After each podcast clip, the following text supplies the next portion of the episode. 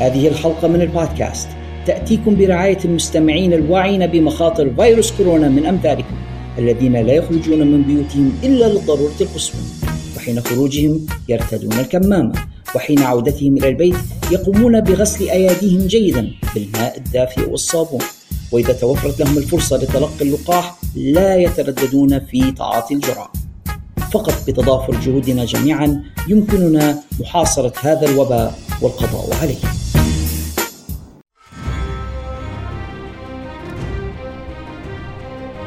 كلنا لديه ذلك الصديق وفي حالة أصدقائي الشخصيين فأنا هو الذي ما أن نخبره عن حماستنا لمشاهدة فيلم أو مسلسل ما حتى يبتسم باستهزاء ليخبرنا بأن الكتاب الذي استوحي منه الفيلم أو المسلسل أكثر تسلية وبه تفاصيل وأحداث أكثر ليتركنا نتساءل أين يمكننا الحصول على ذلك الكتاب؟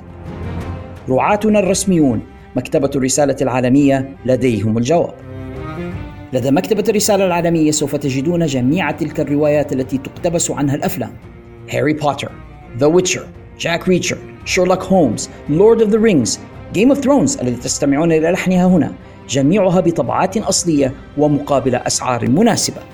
وإذا كان كتابك المفضل غير موجود لديهم فلا تقلق. بإمكانهم جلبه لكم بأسرع وأقل تكلفة مما يتطلبه شراؤه عبر الإنترنت. مكتبة الرسالة لا تبيع الروايات فقط حيث لديهم الكتب الدراسية والقواميس والمراجع في كافة المجالات العلمية. وإذا لم يكن بمقدورك الذهاب بنفسك إلى المكتبة أيضا لا تقلق فلديهم خدمة التوصيل كذلك. فماذا تنتظرون؟ عالم من المعرفة ينتظركم بمكتبة الرسالة العالمية. زوروا صفحتهم في وصف هذه الحلقة واتصلوا بهم للحصول على ما تريدون من الكتب.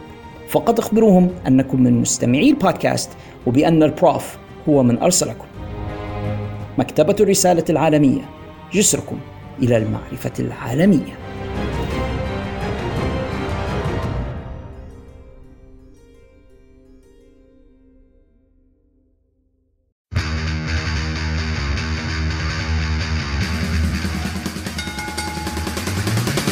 أقوى المواجهات. وأكبر النزالات كلها تجري في مكان واحد في الحلبة. البرنامج الإذاعي الأول في ليبيا والوطن العربي لمصارعة المحترفين وفنون القتال المختلطة. في الحلبة. تغطيات تحليلات وأخبار من مختلف الاتحادات حول العالم. في الحلبة. مع عمر رقيح وعلى أشري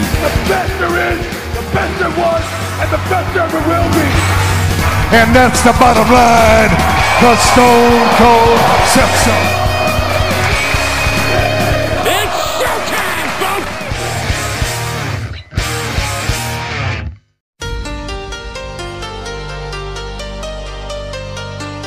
بسم الله الرحمن الرحيم أعزائي المستمعين في كل مكان السلام عليكم ورحمة الله وبركاته وأهلا وسهلا بكم إلى حلقة جديدة من بودكاست في الحلبة In the Ring Where It Matters.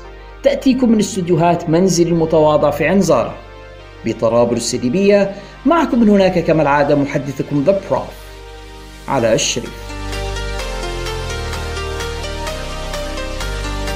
أرحب بكم أعزائي المستمعين إلى هذه الحلقة الجديدة الحلقة الرابعة والثمانين من بودكاست في الحلبة في هذه الأمسية الخميسية الباردة التي نتجمع فيها معا لمناقشة شؤون وشجون هذا العالم المجنون الذي يجمعنا جميعا عالم مصارعة المحترفين. فمرحبا بكم جميعا فردا فردا سواء كنتم تستمعون إلينا عبر Anchor.fm ومنصاتها المتعددة Anchor Podcasts Google Podcasts Spotify نحن موجودون على Player.fm Podbay Pod Paradise Podbean. أي حاجة فيها pod أنغامي Amazon Music Audible. أو لو كنتوا تسمعوا فينا عبر قناتنا على اليوتيوب. أو إذا كنتوا تسمعوا فينا عبر أثير راديو ال Y FM 96.9 صوت الشباب في مدينة طرابلس. فحيثما كنتم تستمعون إلينا في أي بقعة من بقاع هذا العالم عبر أي وسيلة كانت مرحبا بكم جميعا فردا فردا.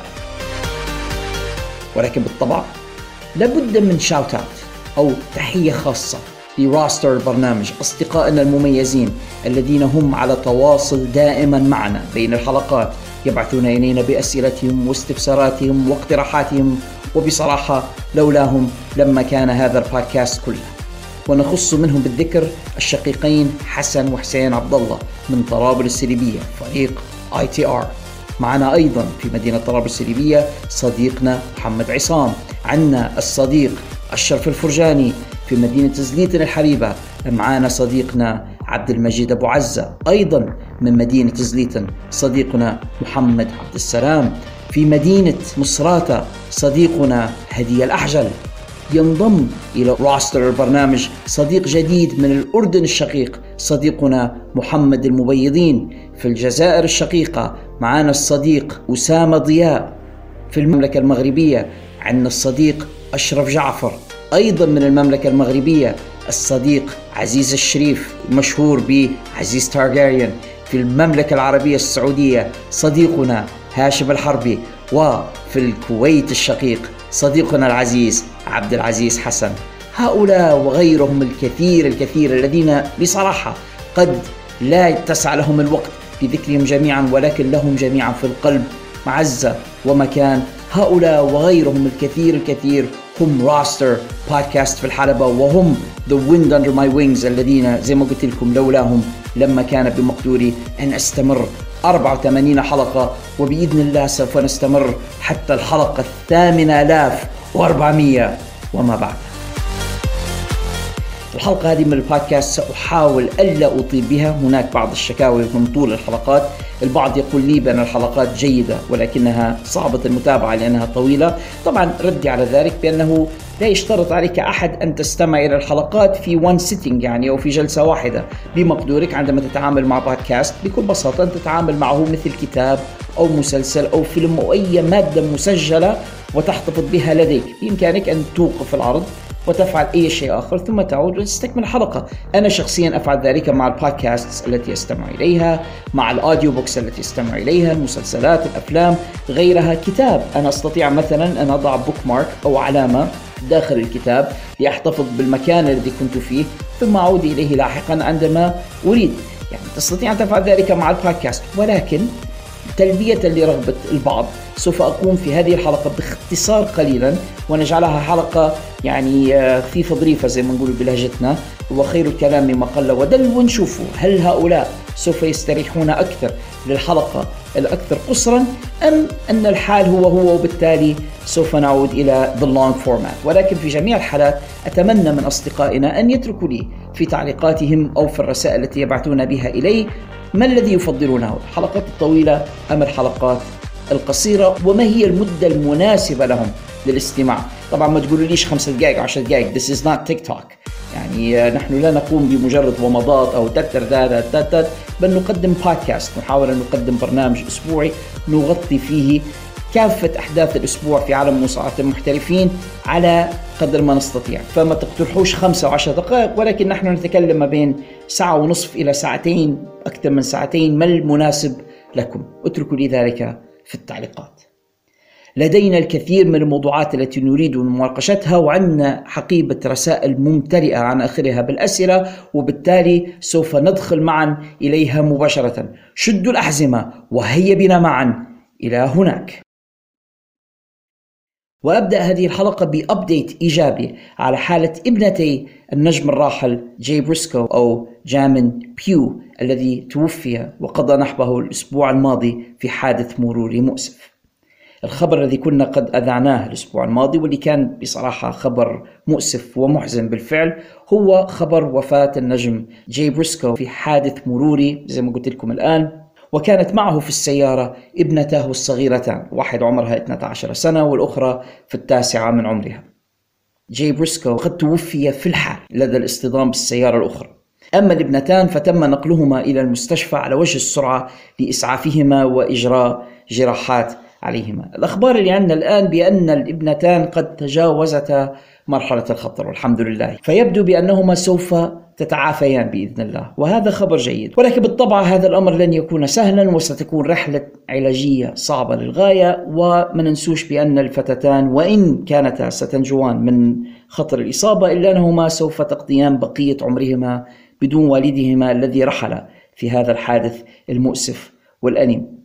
عالم مصارعة المحترفين عن بكرة أبيه مصارعين وجمهور ومعلقين وصحفيين خرج للالتفاف حول أسرة الراحل. جاي بريسكو وتم التبرع للأسرة بالكثير من الأموال من أجل مساعدتهم بعد وفاة جاي وهناك الكثير من الرسائل الإيجابية ورسائل النعي والمصارعين الذين قالوا أشياء جيدة. عن جاي بريسكو الجميع تشارك ذكرياتهم الرائعة مع هذا النجم الكبير. وحقيقة أنا شايف أن جاي بريسكو واحد من أفضل المصارعين الذين لم تتح لهم الفرصة للظهور في الاتحادات الكبيرة. وتكلمنا عن ذلك بشيء من الاستفاضة في الحلقة الماضية.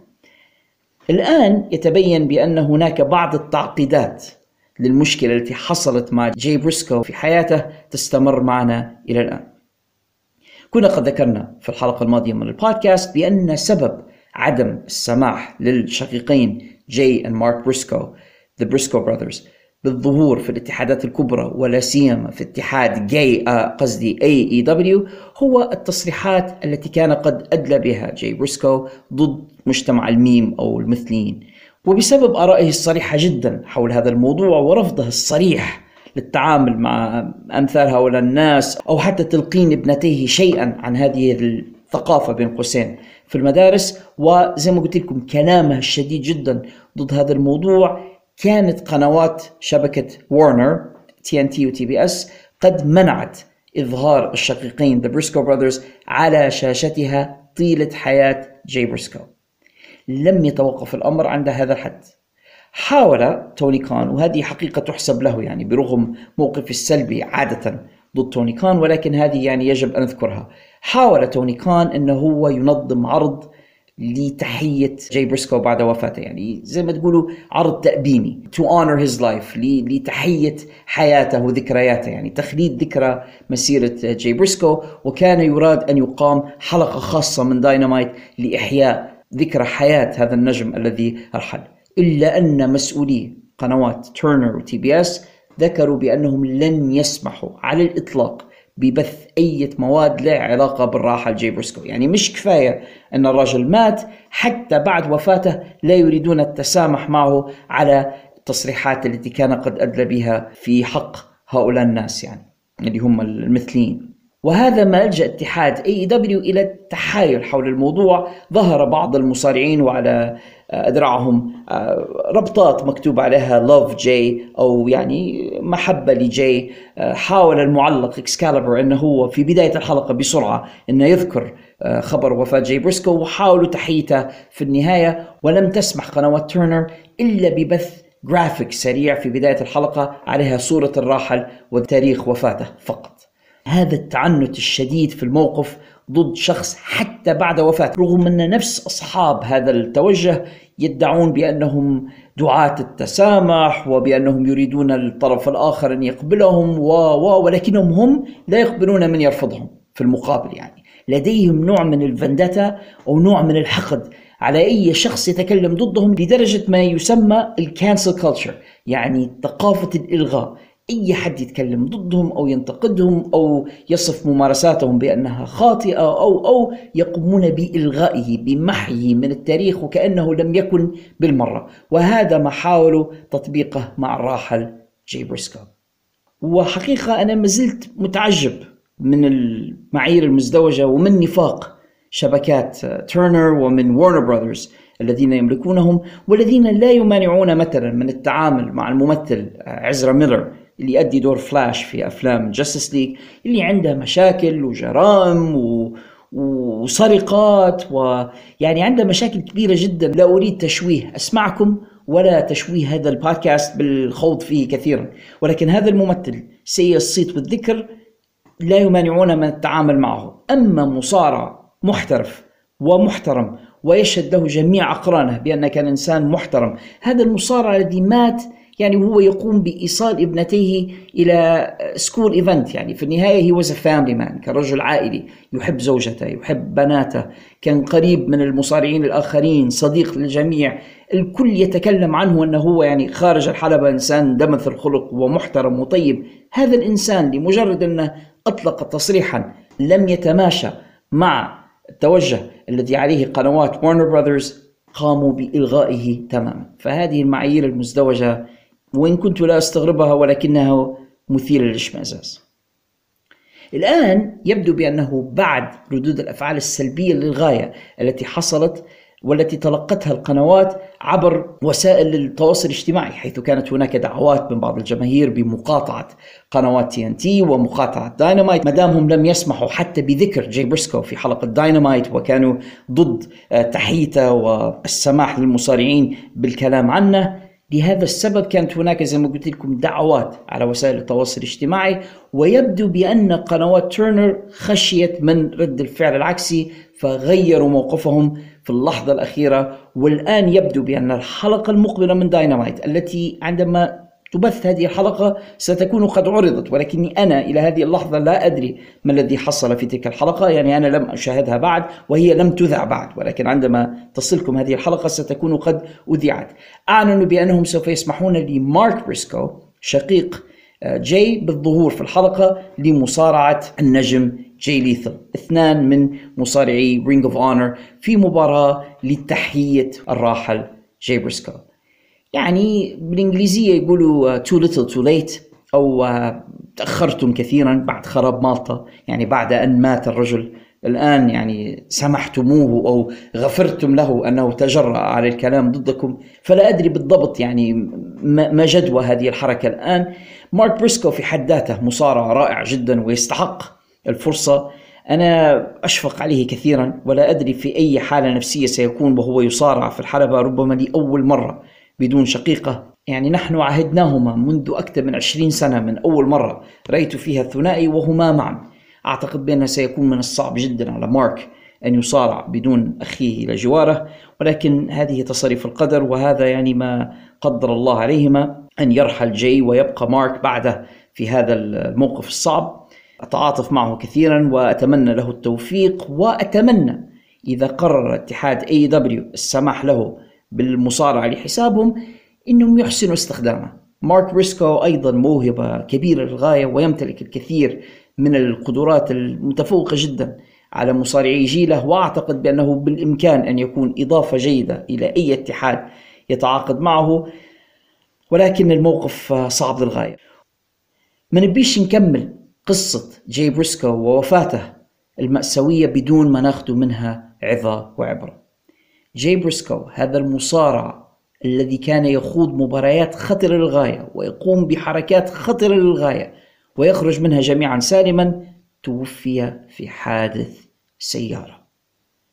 أعتقد بأنه علينا أن نأخذ العبرة والعظة إذا كان واحد زي جاي بريسكو ويموت في حادث سيارة ماذا سيكون حال ناس عاديين أمثالنا؟ جاي بريسكو كما يقول تقرير الشرطة لم يكن يرتدي حزام الأمان. وهذا واحد من أكبر أسباب الوفاة في حوادث السيارات. تقرير الشرطة كذلك يذكر بأن السيارة الأخرى التي اصطدمت بسيارة جي بريسكو كانت قد خرجت عن مسارها ودخلت في the other lane يعني أو في المسار الذي كان يقود فيه جي بريسكو. يعني السيارة الأخرى دخلت عكس اتجاه الطريق وصدمته. إلى الآن ما فيش معلومات مؤكدة عما إذا كانت سائقة السيارة الأخرى لأنها كانت امرأة التي كانت تسوق. ما فيش معلومات عما إذا كانت مخمورة أو تحت تأثير المخدرات أو ما الأمر بالضبط. ولكن علينا أن نأخذ جميع تلك الظروف في عين الاعتبار. بلداننا العربية بصفة عامة بلدي أنا ليبيا بصفة خاصة من أكثر الدول التي بها معدلات وفيات في حوادث السيارات والحوادث المرورية. يعني نسب الإصابة فيها مرتفعة للغاية ومخيفة للغاية ونسب الوفيات من تلك الحوادث مروعة. بل هي واحدة من أكثر أسباب الوفاة في بلداننا. وعندما ننظر إلى أسباب هذه الحوادث نجد بأنها أشياء بإمكان كل منا تجنبها لمنع حدوث ذلك. طبعا في النهاية كل مقدر كائن ولكن علينا بالأخذ بالأسباب. هناك أشياء بصراحة غبية يفعلها البعض تتسبب في هذه الحوادث. على سبيل المثال السرعة. لماذا السرعة؟ يعني الناس لولا يقولوا في العجلة الندامة وفي التأني السلامة. تستطيع أن تصل إلى مكانك يعني ما فيش داعي أنك أنت تسرع بهذا الشكل المجنون الذي يؤدي في النهاية إلى مقتلك ومقتل غيرك لا قدر الله. يعني أن تصل متأخرا خيرا من ألا تصل. هذا الإسراع والعجلة والقيادة المتهورة من أكبر أسباب الحوادث. السرعة من أكبر الأسباب. سبب آخر عدم ارتداء حزام الأمان. وأعتقد أن معظم الناس إلا من رحم ربي يرتكب هذا الخطأ. قليل جدا من يلبس حزام الأمان مع أن حزام الأمان يحميك من الإصابة في الحوادث. ف يعني علينا الانتباه إلى ذلك. وزي ما قلت لكم جاي بريسكو لم يكن يرتدي حزام الأمان وهذا كان أحد أسباب الوفاة بوفق تقرير الشرطة. سبب آخر العبث بأجهزة الموبايل والأجهزة المحمولة أثناء القيادة. وهذا الشيء أراه يوميا وأنا أقود سيارتي يعني. تجد أحدهم أو إحداهن وهي تقود السيارة ويا ريت حتى يعني مكالمة. فيسبوك يا جماعة معقولة واحد يكتب في post في الفيسبوك ولا يرد على post وهو يقود السيارة. يعني من هالعبقرية والذكاء اللي عندنا إن الواحد يستطيع أن يقود السيارة ويركز على الطريق وفي نفس الوقت يقوم بالعبث بأزرار الهاتف. أنا شخصيا أقود بعيني وأذاني ومنتبه على الآخر وأخشى من وقوع المحظور. وأنا في كامل انتباه. ما بالك بمن يلعب الهاتف أو يعبث بأزراره؟ ضع الهاتف جانبا أجل الاتصالات وغيرها إلى بعد وصولك بإذن الله سالما. هذا سبب آخر للحوادث. أما واحدة من أخطر أسباب الحوادث وهذا أيضا للأسف مما عم به البلاء في بلادنا فهو القيادة تحت تأثير الخمور والمخدرات. وللأسف شديد أقول هذا ونحن في بلدان مسلمة وعربية وينبغي بأن ديننا وتقاليدنا وعاداتنا تمنع هذه الأشياء. ولكن للأسف الشديد يوجد الكثير من من يتعاطون هذه المواد. هدنا الله وإياهم وللأسف أيضا يخرجون علينا في الطرقات وهم يقودون السيارات. يعني اللي سكران واللي مسطول واللي ما يدريش على نفسه. فنسأل الله السلامة ونتمنى فعلا أن تكون هناك إجراءات صارمة من رجال المرور الذين أراهم على الأقل في شوارع مدينتي. لا يفعلون شيئا إلا تعطيل حركة المرور ولا يقومون بضبط مثل هذه المخالفات.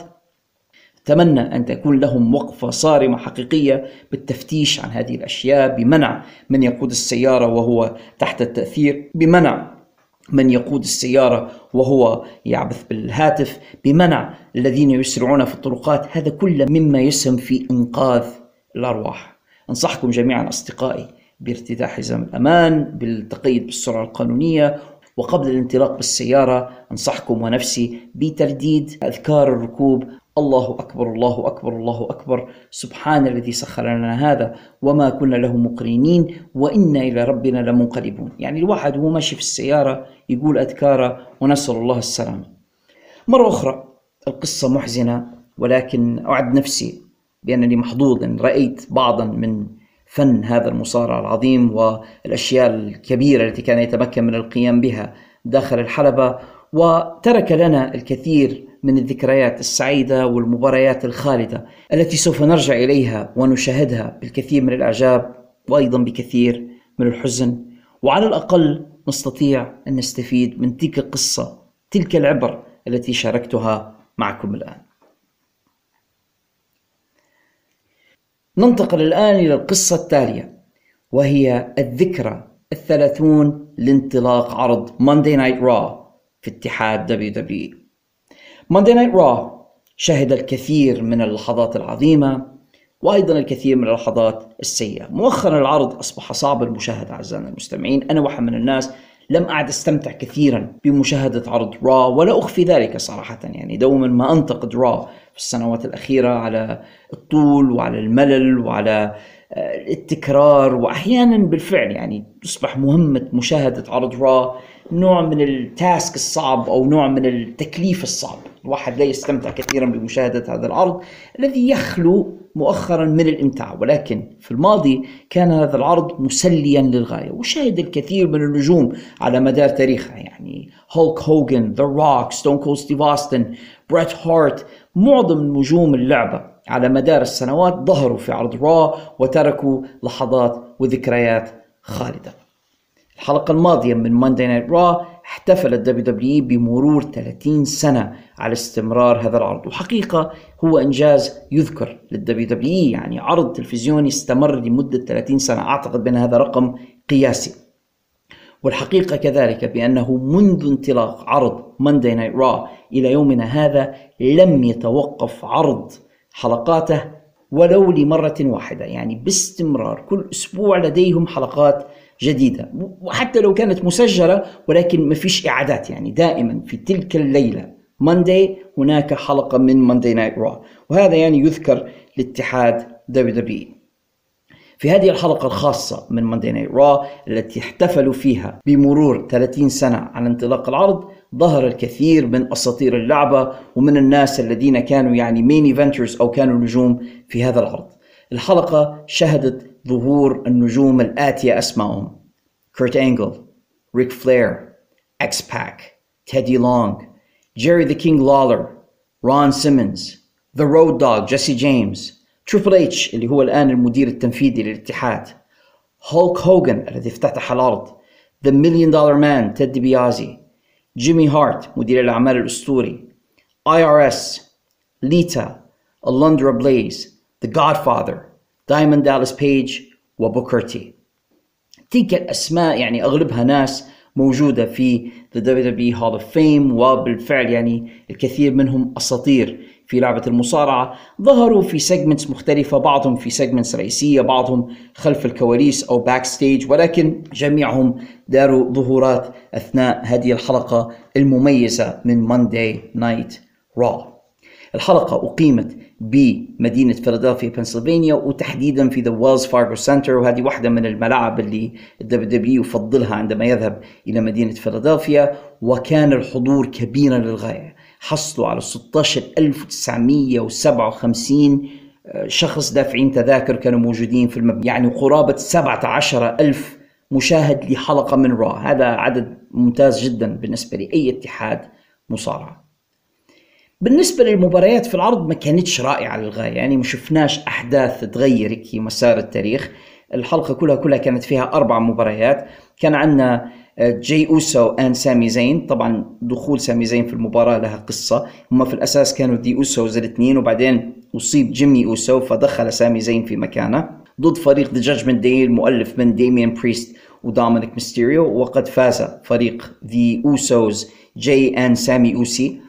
في مباراة جيدة يعني لحد ما ك television match وأضاف إليها وجود سامي.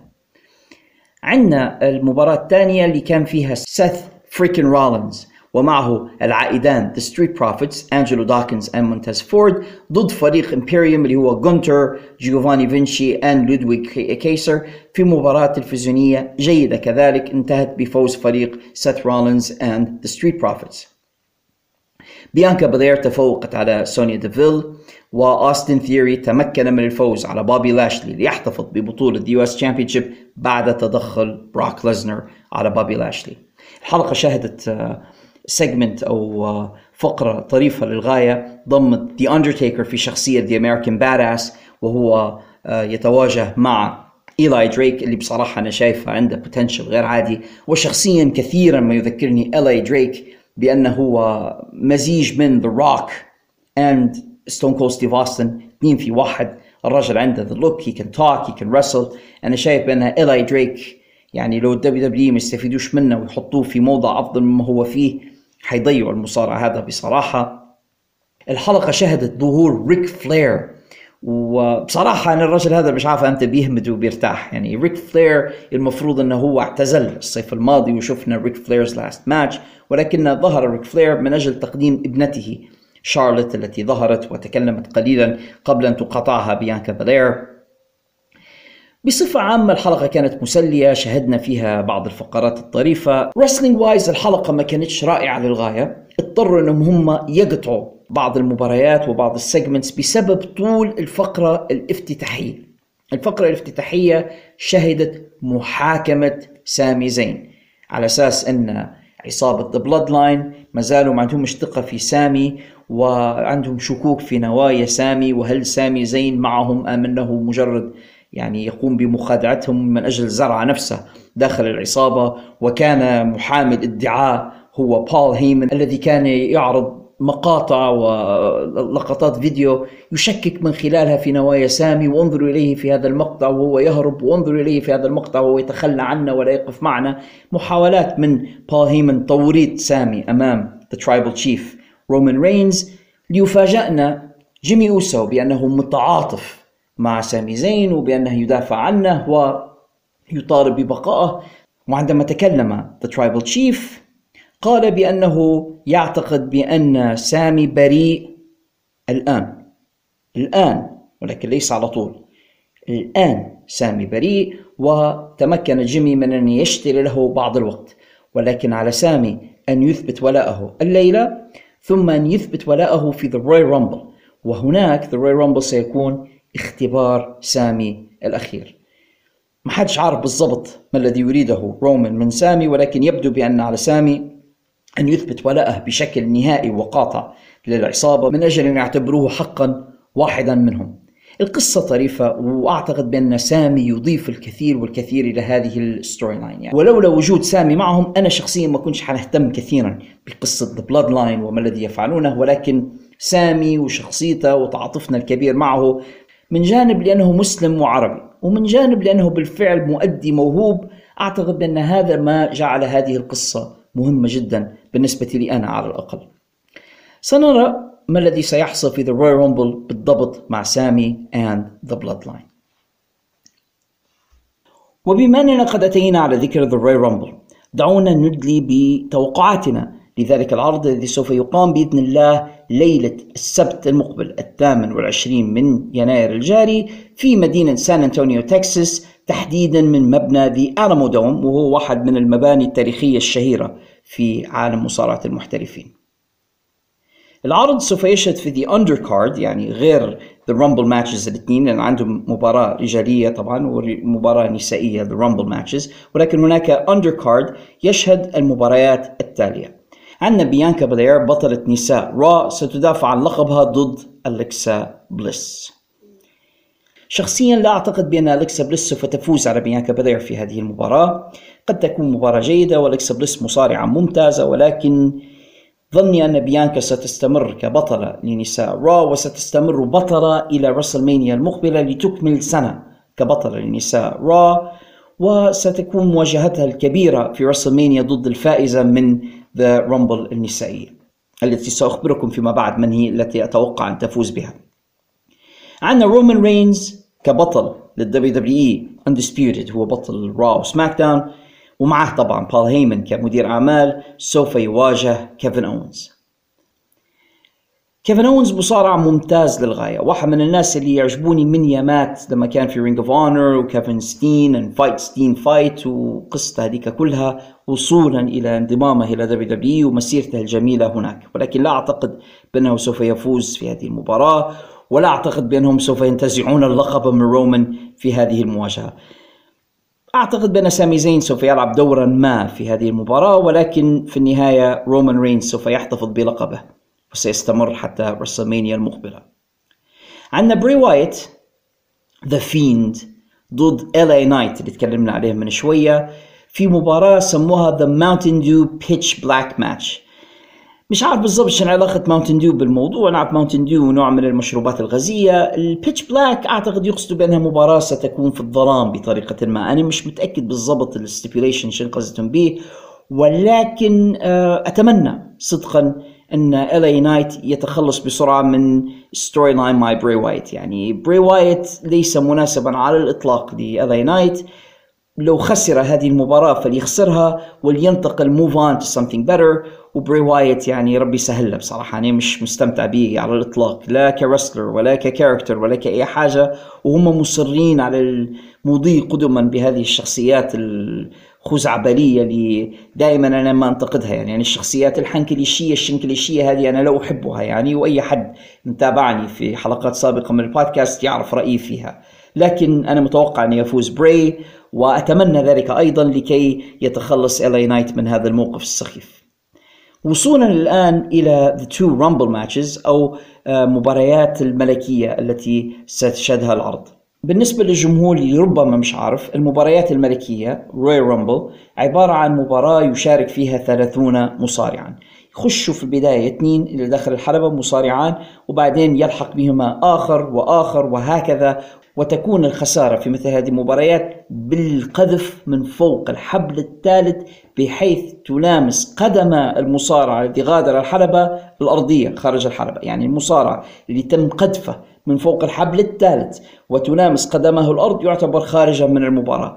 عدا ذلك anything goes بإمكان المصارع أن يستمر داخل الحلبة إلى أن يتم قذفه ولا يخسر لا بالتثبيت ولا بالإخضاع وبالتالي فهي مباريات مسلية لأننا سوف نرى أعداد كبيرة جدا من المصارعين داخل الحلبة. نشوف إلى حد الآن من هم المصارعون والمصارعات الذين أعلن أسمائهم كمشاركين في the Rumble وهنبدأ بال Rumble النسائية؟ الأسماء المعلنة لحد الآن عندنا ليف مورغان عندنا كانديس ليراي ريا ريبلي راكيل غونزاليس شينا بازلر زلينا فيجا and إيما هذه الأسماء المعلنة لحد الآن من ال roster النسائي. بالنسبة للرجال الأسماء المعلنة إلى حد الآن عندنا كاريان كروس برون سترومان شيمس درو ماكنتاير أوموس كودي رودز وهو كان مفاجأة كبيرة بصراحة عندما أعلن عن مشاركته.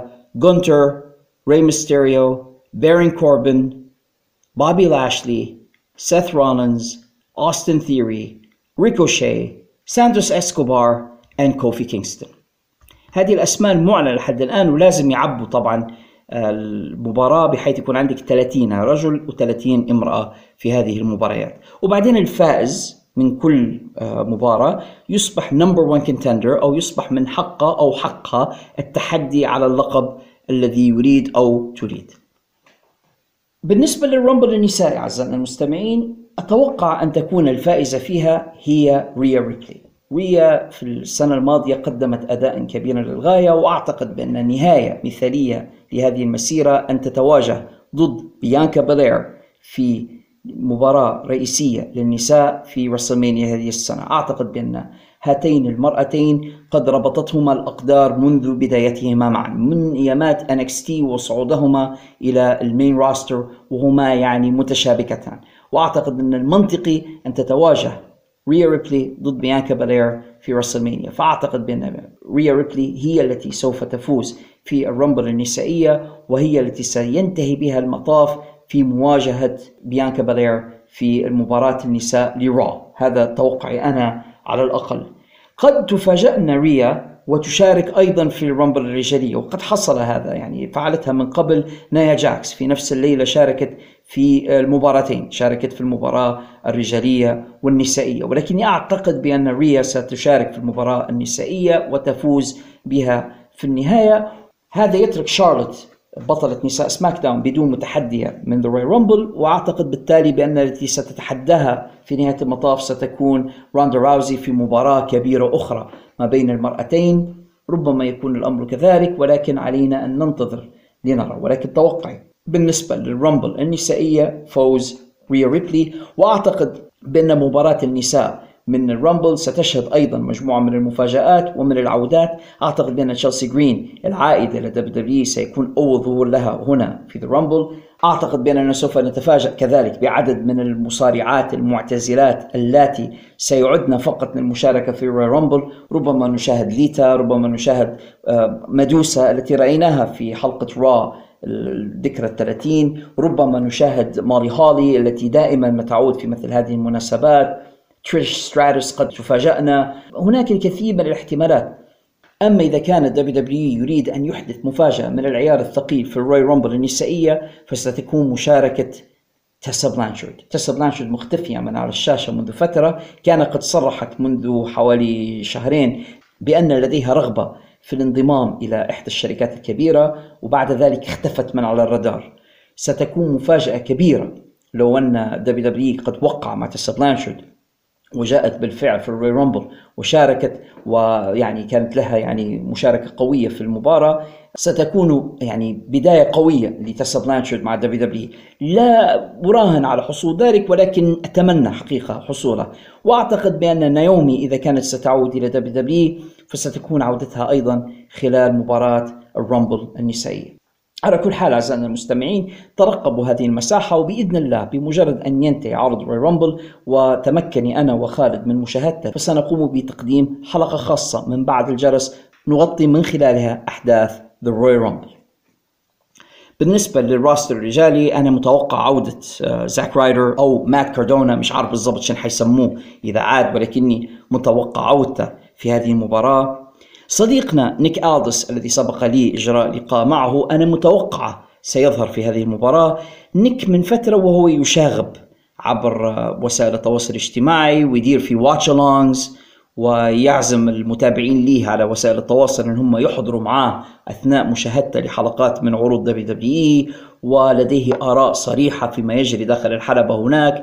أعتقد ان هذه المباراة قد تشهد عودته إلى ال WWE متوقع كذلك مشاركة براك ليزنر في المباراة. ربما براك سيخرج بابي لاشلي منها لتستمر العداوة ما بين الاثنين. ذكرنا منذ قليل في حديثنا عن حلقة Raw بأن بابي لاشلي خسر مباراته مع اوستن ثيوري بسبب تدخل براك ليزنر أعتقد بأن المشكلة ما بين الرجلين ستستمر. بابي لاشلي سيخرج براك ليزنر أو العكس وتستمر المشكلة ما بينهم إلى WrestleMania وأعتقد إنها حتكون مباراة رائعة سيما كان داروها ب MMA rules أو stipulations زي ال MMA سيما وإن المصارعين يعني عندهم background في ال MMA فأعتقد بأن بابي لاشلي وبراك ليزنر على الأقل بالنسبة لي ال dream match متوقع أيضا مشاركة ستون كولد ستيف اوستن في هذه المباراة.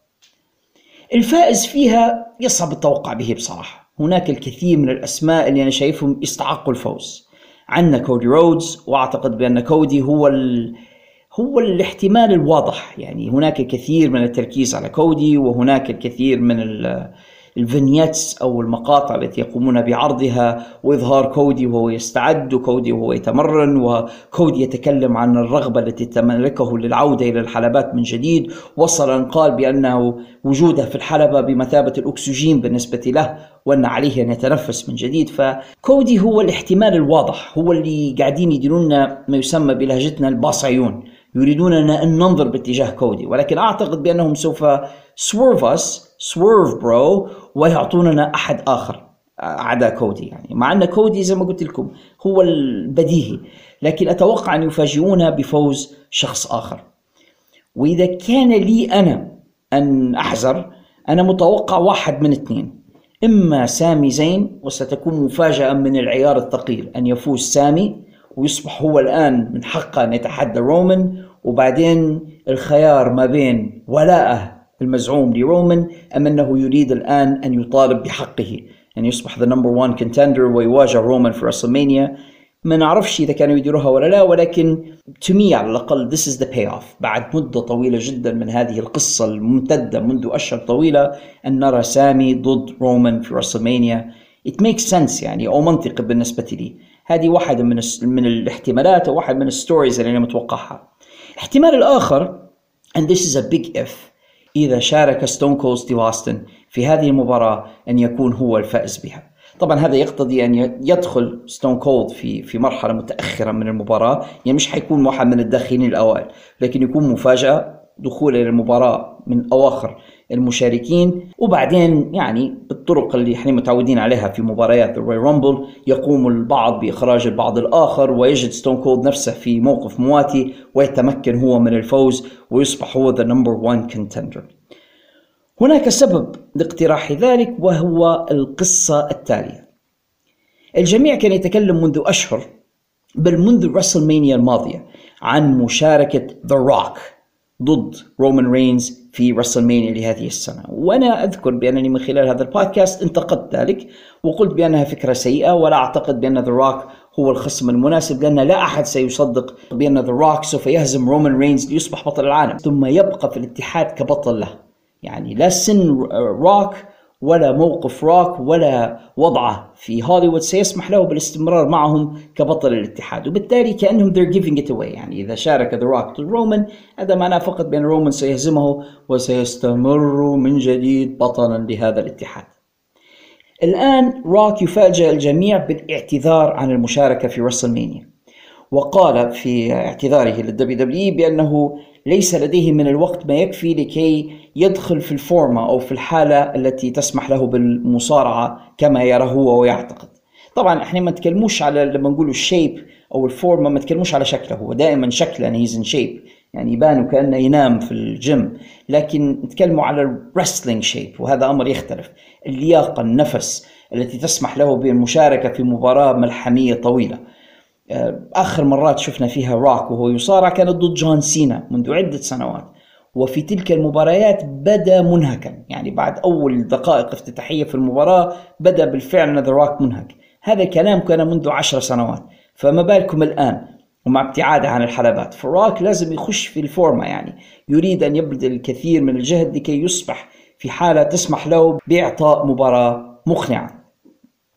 طبعا راك كان المفروض أن يستعد قبل ذلك يعني ما أعتقدش أنه هو ما كانش عارف أن دبليو دبليو يرغب في مشاركته في رسلمانيا كان بإمكانه أن يستعد منذ أشهر ولكن يبدو بأنه كان مشغولا بأمور أخرى.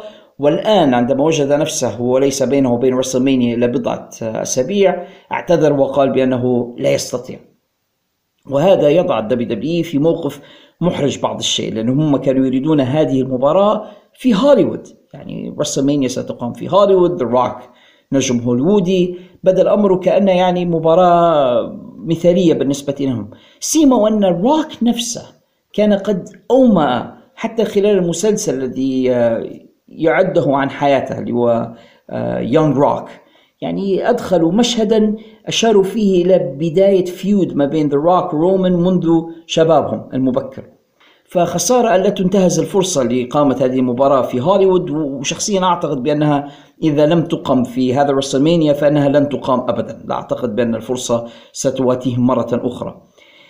وعليه يبدو بأن الدبليو دبليو يبحث الآن عن البديل و البديل الذي يبدو بأنه آه، قد استقر الرأي عليه هو ستون كول ستيف حيث يذكر Fightful Select بأن الدبليو دبليو كان قد عرض على ستون كولد ستيف مبلغا كبيرا من المال حسب التقارير أكثر من المبلغ الذي عرض عليه السنة الماضية للمشاركة في رسلمانيا ومصارعة كيفن أوينز.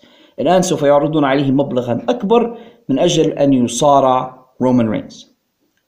الخبر كبير للغاية. طبعا لا أحد أيضا سوف يصدق بأن ستون كولد ستيف سوف يهزم رومان رينز في رسلمانيا. مع أني شخصيا أميل إلى هذا يعني أنا محمد من الناس محبي ستون كولد ستيف ومعجبين به وأتمنى أن أراه يعني يقوم بعمل جيد يعني. وبعدين في النهاية أي واحد المهم أن يفكونا من رومان ولنا مع رومان وقفة فيما بعد في هذه الحلقة. ولكن لا أحد سيصدق بأن ستون كولد الذي يبلغ من العمر الآن 58 سنة والذي لا يشارك في الحلبات بشكل دائم يعني هو الآن يعتبر part-timer يعني شارك في رسلمانيا الماضية ثم اختفى عن الأنظار لمدة سنة والآن سيعود مرة أخرى للمشاركة من جديد. واحد يصارع مباراة في السنة غير مقنع أنه هو الذي سوف يهزم رومان رينز وسينزعه من على عرشه. ولكن إليكم ما أتصور أنه السيناريو المفترض. وهذا السيناريو الذي كانوا سوف يتبعونه حتى لو لم يكن ستون كولد المشارك. يعني لو لم يعتذر ذا روك عن المشاركة في رسلمانيا أعتقد بأن هذا هو السيناريو الذي كان سوف يجري سواء مع ذا روك ولا الآن مع ستون كولد ستيف أوستن رسلمانيا عبارة عن ليلتين. أعتقد بأنهم يريدون رومان رينز أن يصارع في كلتا الليلتين.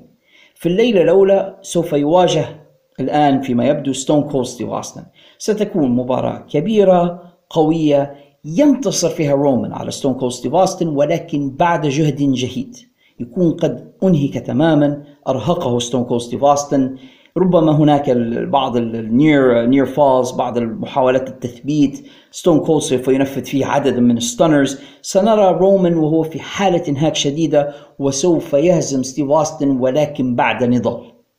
يكون ستون كول بذلك هو الذي لين رومان أو softened up جعله أسهل. في الليلة التالية سوف يواجه رومان خصما آخر. هذا الخصم قد يكون كودي رودز أو سامي. أنا متوقع الآن كودي. سيواجه كودي رومان الذي خاض الليلة البارحة مباراة ضد ستون ستيف أوستن والذي ما زال متأثرا جراحه وإصاباته من تلك المباراة ونقدر نقول إنه منهك وتعبان وسيفوز عليه كودي أيضا بعد صراع غير طبيعي.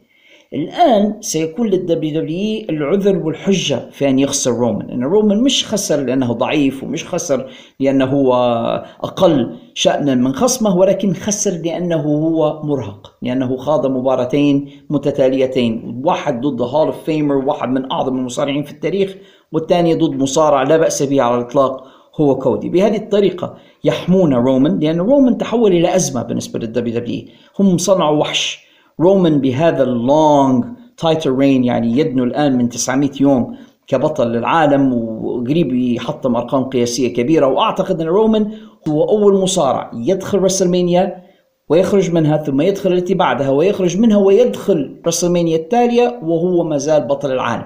يعني ثلاثة WrestleManias على التوالي وهو البطل لم يخسرها. فهذه يعني في حد ذاتها إنجاز كبير. وأصبح الآن من الصعب أنهم ينتزعوا اللقب منه ويعطوه لأي من كان.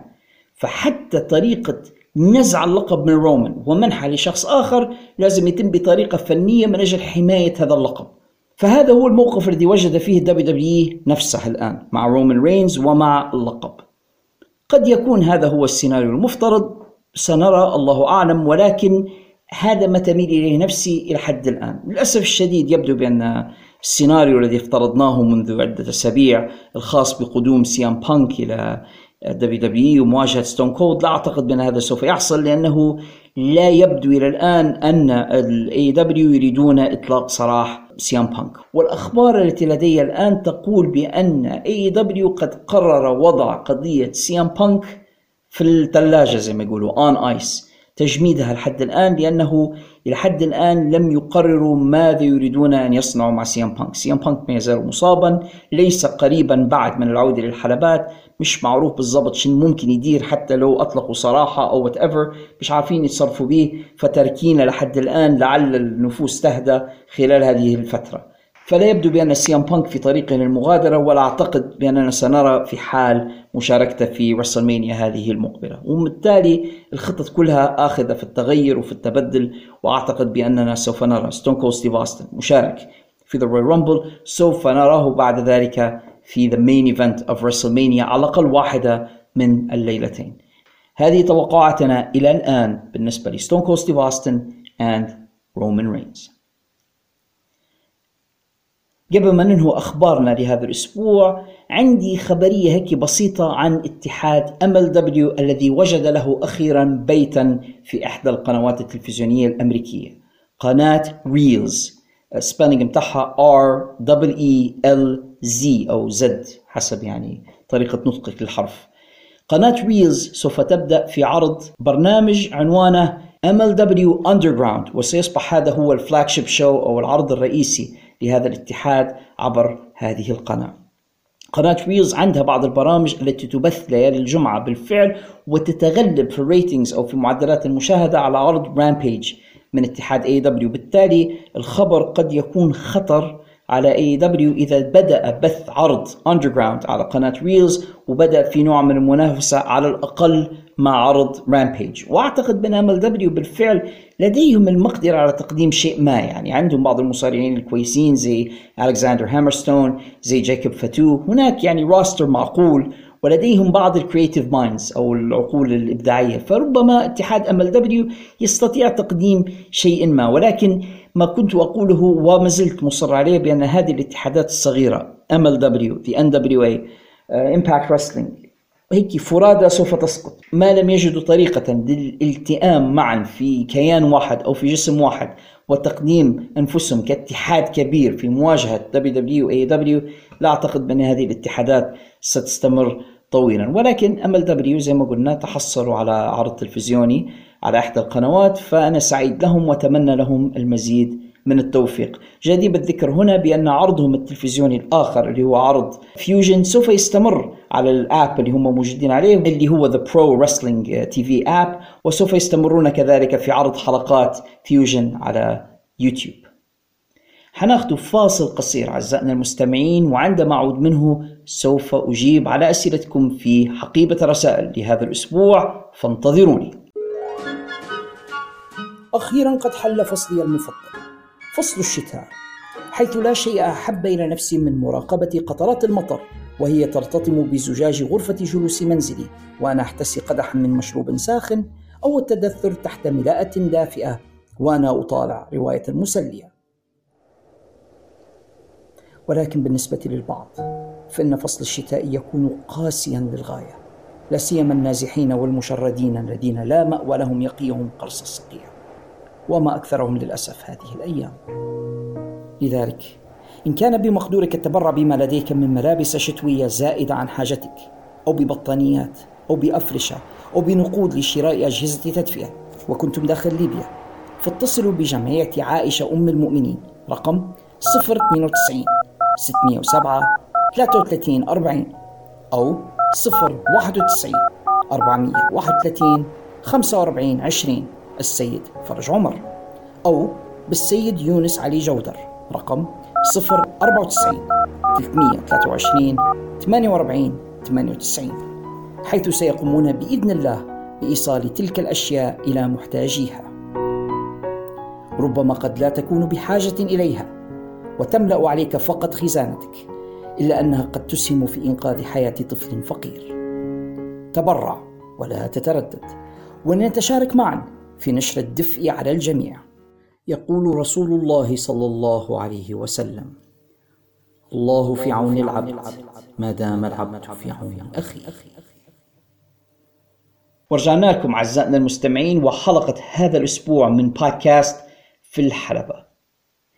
ونأتي الآن إلى فقرة المفضلة في كل أسبوع فقرة حقيبة الرسائل. The Mailbag. You've got mail. هذه الفقرة هي التي تتيح لكم أنتم أعزائنا المستمعين أن تساهموا بما لديكم من أسئلة واستفسارات واقتراحات وحتى انتقادات. ترسلونها إلي كي أقرأها هنا على الهواء. بإمكانكم دوما مراسلتنا عبر وسائل التواصل الاجتماعي فيسبوك وتويتر حيث لدينا صفحات ومجموعات وحسابات. ما عليكم إلا البحث عن In the Ring في الحلبة وعندما ترون الشعار المميز للبودكاست اتركوا ما لديكم في أماكن الخاصة بالتعليق هناك. كذلك يمكنكم إرسال ما لديكم إلى قناتنا على اليوتيوب في تعليقاتنا على الفيديوهات ومراسلتنا كذلك على بريد البرنامج contact us at outofthebox.ly كذلك أقوم من الفينة والأخرى بترك منشور في صفحة البرنامج على فيسبوك أترك في ذلك المنشور طلبا للأصدقاء بأن يتركوا ما لديهم من أسئلة واستفسارات في تعليقات البوست ثم أقوم بقراءتها والإجابة عليها في الحلقة التالية تماما كما سوف أفعل الآن. نشوف الأسئلة التي لدينا لهذا الأسبوع.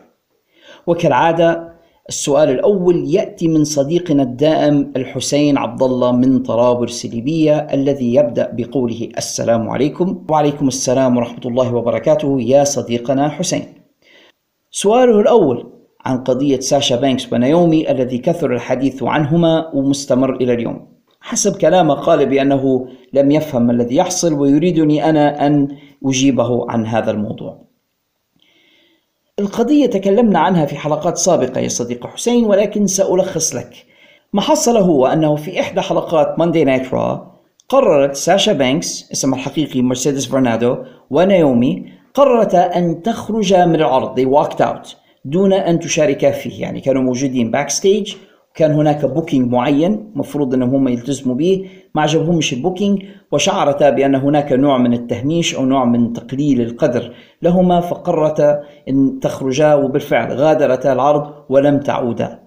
بعد ذلك يعني حصلت عدة مناشدات من ال WWE ومطالبات لهما بالعودة وأيضا تهديد بالعقاب إن لم تعودا إلى WWE ولكنهما التزمتا البقاء حيث هما يعني خارج ال WWE ويبدو بأن ساشا بانكس على الأقل أو مرسيدس فرنادو يعني استنفذت مدة العقد متاعها بدون أن تعود وبالتالي تم خلاص فسخ العقد وأصبحت free agent وذهبت ووقعت مع اتحاد نيو جابان برو رسلينج في الموضوع الذي تكلمنا عنه في الحلقة الماضية من البودكاست أصبحت الآن ساشا بانكس أو مرسيدس فرنادو مصارعة مع اتحاد نيو جابان برو رسلينج وتحمل الاسم مرسيدس موني.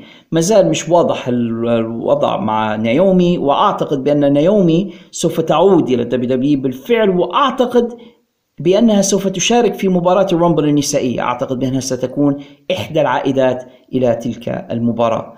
هذه قضية ساشا بانكس وناومي باختصار يا صديقي حسين.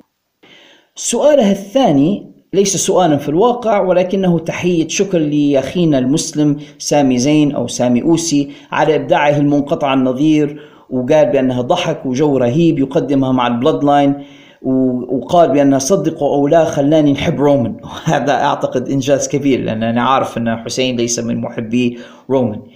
فيسألني رأيي في هذه القصة إجمالا وهل يقدر بلحة يقصد توني كان إنه يدير زيها؟ شكرا لك يا حسين على هذه الأسئلة. أما رأيي في سامي فأعتقد أنه غني عن التعريف. أنا من المعجبين جدا بسامي ليس الآن. أنا معجب بسامي منذ أن كان يعني الجينيريكو في اتحاد رينج اوف لما كنت نشوف فيه كمصارع مقنع. ثم فيما بعد عندما التحق بالدبليو دبليو مع انكس تي وبعدين كل الأشياء اللي دارها سواء كان مع انكس تي ولا مع دبليو دبليو الرئيسية. وكنت زعلان جدا عندما كان في يوم من الأيامات يعني يساء استخدام سامي في الدبليو دبليو سامي واحد من مصارعي المفضلين وحقيقة أنا سعيد جدا ومبسوط بما يفعله الآن وال push اللي هو متحصل عليه والدفعة. وفعلا أنا أشاركك الرأي أنه هو يفعل أشياء مسلية جدا للغاية مع فريق ذا بلاد لاين وهو الذي يمنح هذا الفريق يعني الأوسي نستمتع يعني بكل بساطة أنه هو لولا وجوده هو هناك ما كانش ال storyline هذا يطاق ولكن وجود سامي معهم بالفعل يضيف إليه نكهة أوسي وجميلة للغاية. أضم صوتي إلى صوتك وأحيي معك آه، شقيقنا وأخينا سامي أوسي هناك في الدبليو دبليو أما عن توني كان وهل يستطيع أن يفعل ذلك فأعتقد بأن الإجابة هنا أيضا معروفة. توني كان لديه مشاكل كبيرة جدا في هذا الجانب بالذات اللي هو storytelling أو رواية القصص داخل الحلبة. ما يعرفش يبدأ قصة ويكملها وقصة زي هذه اللي هي long term storytelling حتما لن يستطيع آه، توني كان أن هو يقدم مثلها.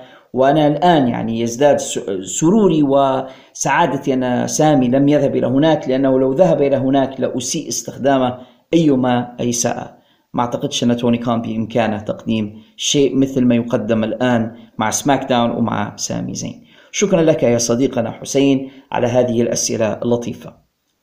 ننتقل إلى شقيق حسين الحسن عبد الله الذي يسأل هذه المرة كما قال خارج الحلبة من هو أندرو تيت وكيف بدأ وكيف أصبح غنيا وما هي آخر التطورات معه؟ سؤالك كبير للغاية يا صديقنا حسن أشكرك عليه طبعا وأشكرك على وفائك واستماعك الدائم إلى البودكاست. وهو في الواقع السؤال ليس خارج الحلبة تماما. أندرو تيت من أهل الحلبة ولكنه ليس professional wrestler وإن كانت بعض تصرفاته تشبه ال professional wrestlers أندرو تيت كان kickboxer أو ملاكم ركلات إنجليزي أمريكي يعني عنده الجنسيتين هو أصلا أمريكي ولكنه تحصل فيما بعد على الجنسية الإنجليزية. وعنده سجل جيد في موضوع الكيك بوكسينج وأيضا اشتهر من خلال برنامج تلفزيون واقع هو نسخة الإنجليزية من بيج براذر وبعد ذلك يعني اشتهر كثيرا ك influencer أو شخص مؤثر على وسائل التواصل الاجتماعي واشتهر أكثر عندما بدأ في المجاهرة بآراء مثيرة للجدل لدى البعض آه، يهاجم فيها يعني ويظهر العداء الصريح للحركات النسوية ويستهزأ بقدرة النساء على القيادة وعندها كثير من الآراء التي بصراحة أنا متفق مع بعضها ومختلف مع البعض الآخر منها. يعني عندها آراء غريبة شوية في موضوع البانديميك وكورونا وأنا لا أتفق معه في آرائه تلك. ولكن في النهاية يعني هو أصبح زي ما قلت لكم شخص جدلي ويعني مثير للاهتمام على وسائل التواصل لدرجة أنه هو أصبح أحد أكثر الناس الذين يتم البحث عنهم على المحركات البحث في سنة 2022 ومن أكثر الأشياء الجديرة بالذكر في قصة أندرو تيت أنه أعلن إسلامه مع أواخر سنة 2022 كيف تحصل على ثروته لو كنت نعرف راني يعني حتى ثري زية. هو يقول بأن ثروته تربو على المليارات وأنا لا أستطيع أن أكذب أو أصدق هذه الأخبار لأنه ليس لدي يعني data أو معلومات أستطيع من خلالها أن أكذبها هو دائما ما يفتخر بالسيارات التي يمتلكها وبأن لديه أسطول من ال Lamborghinis وال Ferraris وأن لديه قصور في دول مختلفة وبأن لديه يعني قصر في دبي ويتباهى ويتفاخر بالكثير من مظاهر الثراء التي يتكلم عنها. ما يدل بأنه من الأثرياء ولكن كم تقدر ثروته بالضبط؟ الله أعلم. هو يقول بأنه ملياردير ولكن لا أستطيع زي ما قلت لك أني أكذب أو أصدق ذلك. الطريقة التي تحصل بها على هذا الثراء أيضا لا أعرف بالضبط ولكن يعني مما يعرف عنه أنه اشتغل قبل إسلامه في مجال الكازينوز وكان يمتلك بعض هذه المحال يعني أو الملاهي والأماكن التي يلعب فيها القمار وفيها بعض الممارسات السيئة. هذا لو لو بنتكلموا بصراحة. أنا متوقع أو على الأقل أتمنى أنه بعد إسلامه أن يكون قد ابتعد عن هذه النشاطات وتركها ولكن لا أعرف حقيقة إن كان قد فعل أم لا. أما آخر التطورات معه فقد تم إلقاء القبض على أندرو تيت منذ حوالي أسبوعين أو ثلاث. في رومانيا حيث يقيم في بوخارست. أعتقد على خلفية اتهامات من قبل إحدى النساء بالتحرش. وكان أندرو تيت نفسه قد قال في مقطع له قبل إلقاء القبض عليه بأيام بأن القوى التي تتحكم في العالم هكذا سماها سوف يلجؤون إلى آه، إلقاء القبض عليه ووضعه في السجن لأنهم لم يستطيعوا آه، إسكات صوته. هو يقول بأنه آه، يقول أشياء لا تريد تلك القوة أن يقولها وحاولوا إسكاته بعدة طرق منها أنهم they tried canceling him أو حاولوا أن يمنعوه على وسائل التواصل الاجتماعي ولكن رسالته ما زالت تطلع للناس وبالتالي لجأوا إلى الخطوة التالية وهي وضعه في السجن. فهو لحد الآن يقبع في السجون. هذه الأخبار التي لدي عن أندرو تيت إلى الآن. وإذا كان بالفعل آه، مسلم ومتمسك بإسلامه فنحن بالطبع نتعاطف مع أخينا المسلم ونتمنى أن يفرج الله عليه وأن يخرج من آه، محنته هذه قريبا. هذا ما أستطيع أن أقوله لك يا صديقي الحسن عن أندرو تيت. شكرا لك على سؤالك مرة أخرى. ننتقل الآن إلى صاحب الأسئلة الصاروخية عبد المجيد بوعزة اللي دائما ما يقصف البودكاست بعدد كبير جدا من الأسئلة ترهقني وتسعدني في نفس الوقت. خلينا نشوف شن لدى صديقنا عبد المجيد لهذه المرة. يقول السلام عليكم وعليكم السلام ورحمة الله. كيف حالك يا صديقي علاء؟ بخير والحمد لله. يا رب تكون أنت وجميع متابعين البودكاست بخير. شكرا لك يا صديقنا عبد المجيد. سؤاله الأول عن ووردلو وش الرأي في الطريقة التي خسر بها اللقب وحلق سماوة جو لشعره؟ وهل أثرت على شخصيته؟ وأين اختفى؟ وهل تعتقد لو رجع ووردلو حيحصل نفس الزخم من الجمهور وحيستمر الدفع به؟ هو أنا كنت تكلمت يا عبد المجيد في الحلقة الماضية قليلا عن هذا الأمر لما تكلمت على سي ام بانك. ووردلو هو أحد أولئك الذين يعني تعاطفوا مع سي ام بانك و اي دبليو قد انقسم إلى معسكرين معسكر مع بانك ومعسكر ضد بانك وأي واحد يبدي التعاطف مع بانك أو يقول إنه من أصدقاء سي ام بانك يتم على طول تهميشه وتدميره في الاتحاد وأعتقد إن هذا ما حصل مع ووردلو الذي بالفعل تم انتزاع اللقب منه. في التلفزيون وإهانته وحلق شعره وهزيمته وهو الآن آه، ليس موجودا على الشاشة. التفسير الذي سوف يقوله اي دبليو أنهم يقومون بعملية repackaging أو إعادة التعبئة وحيطلعوه لك من جديد. ولكني سأقول لك ما قلته في الحلقة الماضية لحسن عندما سألني عن إلايس آه، وهل ينفع إلايس أن يكون وجه الاتحاد؟ قلت لحسن بأن لديك فرصة واحدة لإعطاء انطباع أول. ووردلو خلاص أعطانا الانطباع الأول عنه. ووردلو مصارع كويس ويمتلك الكثير من المقومات اللي مفروض تخليه هو وجه أي اتحاد ولكن هذا الاتحاد هزأه وأساء معاملته بشكل كبير. وبالتالي أنا شخصيا لا أعتقد بأنه لو عاد سيتم الدفع به لأن زي ما قلت لك هو ليس على هوى المجموعة التي تحكم الاتحاد AEW مش شايفين إنه هو ال fit المناسب لهم وليس هو فقط. يعني براين كيج الذي سوف ينفذ عقده قريبا يعني في الأيام المقبلة سينتهي عقده لا يريدونه. هم لا يريدون ال big guys يعني المصارعين اللي عندهم الحجم الكبير لا يميل AEW إلى الاحتفاظ بهم أو إلى استخدامهم لأنهم سوف يجعلون المجموعة التي تتحكم في الشركة اللي هم كاني اوميجا and Young Bucks سيجعلونهم يبدون بشكل سيء. هم صغار الحجم نسبيا ولا يريدون عمالقة يظهرونهم بشكل أصغر. ووردلو مصارع عملاق و AEW ليس المكان المناسب له بالتالي لا أعتقد بأنهم سوف يقومون بالدفع به بأي شكل من الأشكال. هذا آه، جوابي لسؤالك الأول. السؤال الثاني من أتوقع أن ينتزع اللقب من MJF وشن هي الطريقة المناسبة لخسارته للقب؟ والله يا عبد المجيد لو عليه يخسرها الليلة في داينامايت. ولكن لا أعتقد بأن هذا سوف يحصل. MJF يبدو بأن الاتحاد يريد الدفع به للمدى البعيد. يريدونه أن يبقى بطل الاتحاد for a long time.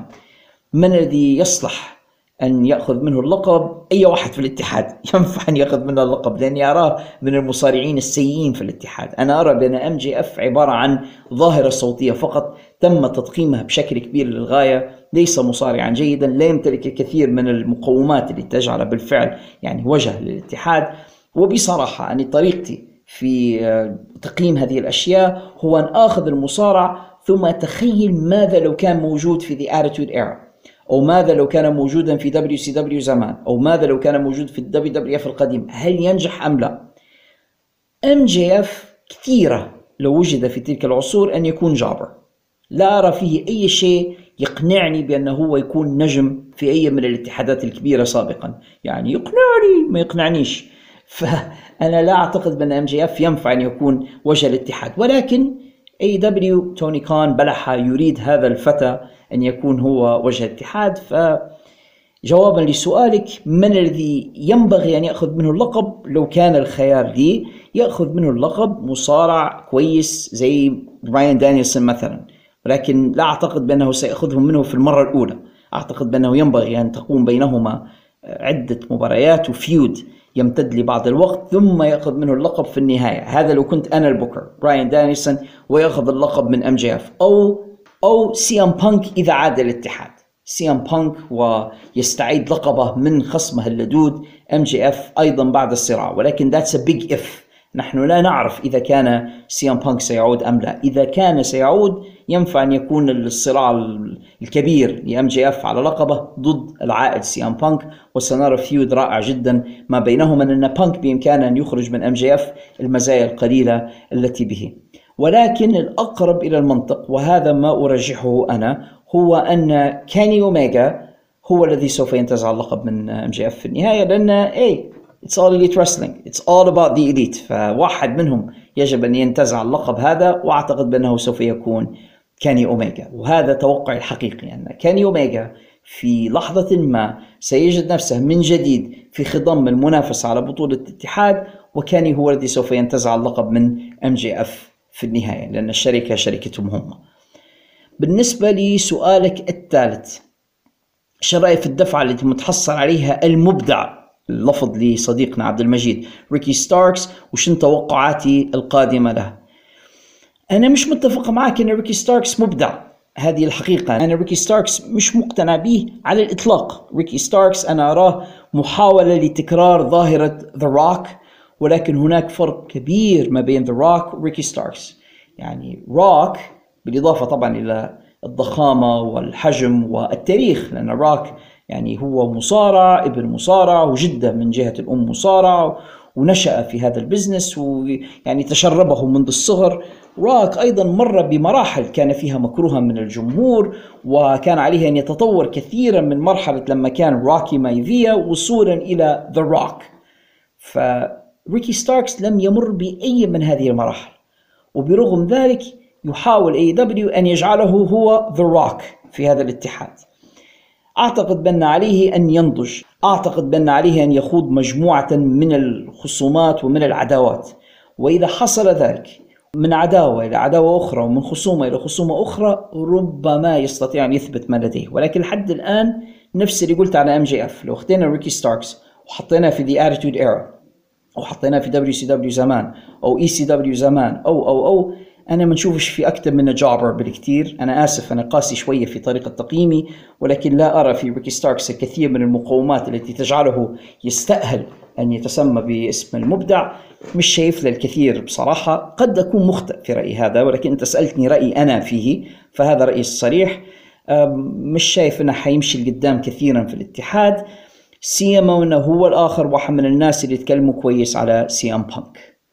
سؤاله الرابع سمع عبد المجيد بأن عرض ال Forbidden Door القادم سيكون في اليابان. فشن توقعاتي عن المباريات التي ستكون في العرض وشن المباريات التي يتأمنى فيها. ولا أعتقد أنه يتفوق على عرض ال Forbidden Door الأول. عبد المجيد لحد الآن ما فيش توكيد أن Forbidden Door الثاني سيقام. أنا أميل معك إلى أن هذا سيكون هدف من أهداف AEW ولكن لحد الآن هي مجرد محادثات ما بين New Japan Pro Wrestling وتوني كان ما فيش حاجة set in stone ما فيش حاجة آه، مثبتة لحد الآن. إنه يكون في اليابان أو في الولايات المتحدة هذا كله الآن ما زال قيد الدراسة. فأنا مش عارف بالضبط أين سمعت ذلك. أنا درت شوية research آه، لكي أجيب عن سؤالك هذا ولم أجد شيئا من هذا مكتوب في أي مكان. يعني ما فيش شيء مؤكد أنه سوف يقام وسيكون في اليابان.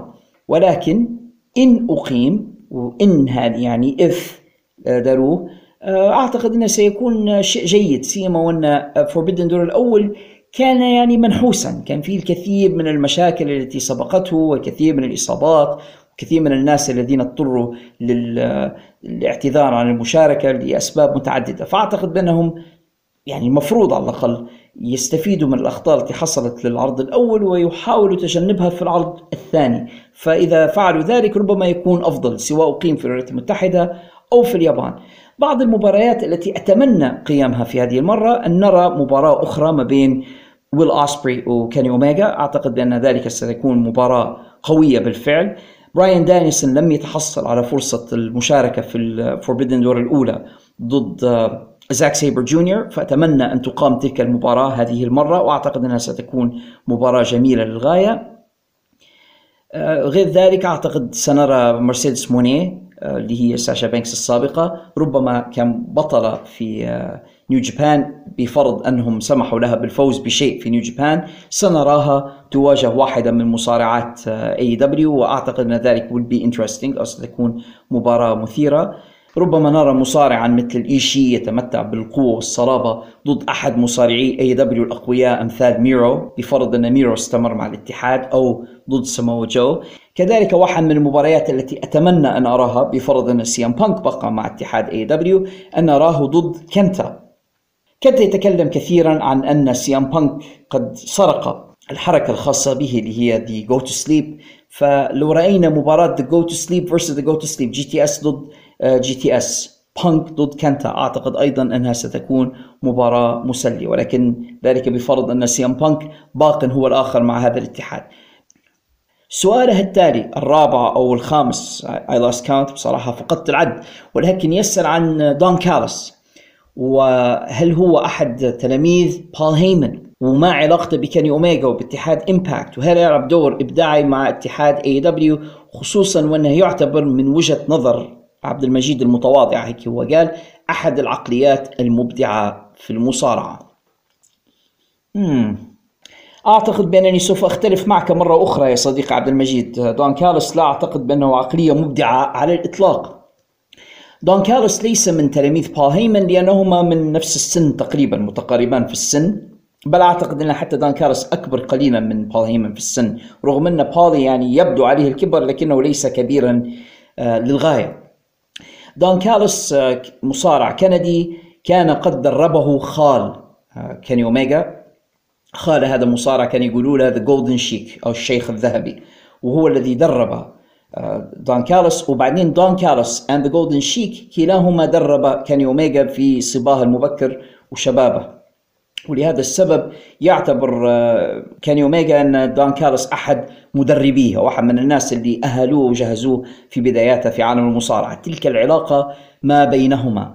بالنسبة لعلاقته ببول هيمن قصيرة للغاية، اشتغل معه قليلا جدا في نهاية ECW قبل أن يعني يغلق الاتحاد، وبعدين ذهب إلى WWE لم يمكث هناك طويلا، حصلت ما بينهم مشاكل لم يتفاهموا وتم طرده من ال WWE وظل يهيم على وجهه في الاتحادات المختلفة. ذهب إلى Impact Wrestling قليلا كمعلق وحتى كمعلق تم طرده من هناك ولم يستمر طويلا مع اتحاد Impact Wrestling ليس أحد العقول الإبداعية بين قوسين في AEW أصلا ما فيش عقول إبداعية حقيقية في AEW الشخص الوحيد الذي يكتب السيناريوهات هناك هو توني كان ولا يسمح لأحد آخر بمشاركته في ذلك. ودون كارس ليس موجودا هناك كأحد العقليات أو أحد فريق الإبداع. ومرة أخرى أنا لا أعتقد بأن دون كارس يتمتع بالكثير من المقدرة الإبداعية أو آه، بالكثير من الموهبة كذلك. هو يتكلم كثيرا ويؤله المصارعين كثيرا وهو في رأيي أحد أسباب انتشار ظاهرة الإلحاد والكفر وتأليه المصارعين في في هذا المجال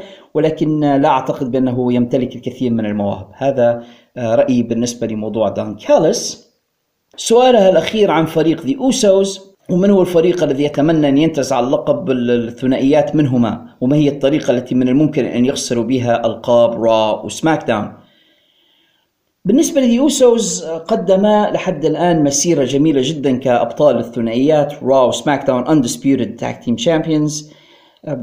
أعتقد بأن عليهما إن خسرا اللقب أن يخسراها بطريقة يعني تليق بفترة الحمل الألقاب الطويلة التي يعني استمرت يعني لبعض الوقت.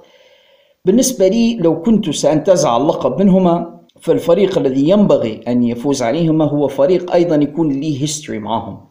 هناك عدة فرق في ال WWE بالفعل ممكن أنها تغلب The Usos يعني عندك فريق The Street Profits هو فريق ممتاز للغاية. عندك فريق زي The New Day لو عادوا إلى ال main roster أيضا يستطيع أن يكون لهما يعني مسيرة مع The Usos وينتصروا. لكن ترشيحي أنا هو لسامي and كيفن أنا شايف بأن بطريقة ما سامي زين سيعود إلى كيفن أوينز وهما معا من سوف ينتزع لقب The Usos أنا هذا ترشيحي بصراحة وهذا توقعي.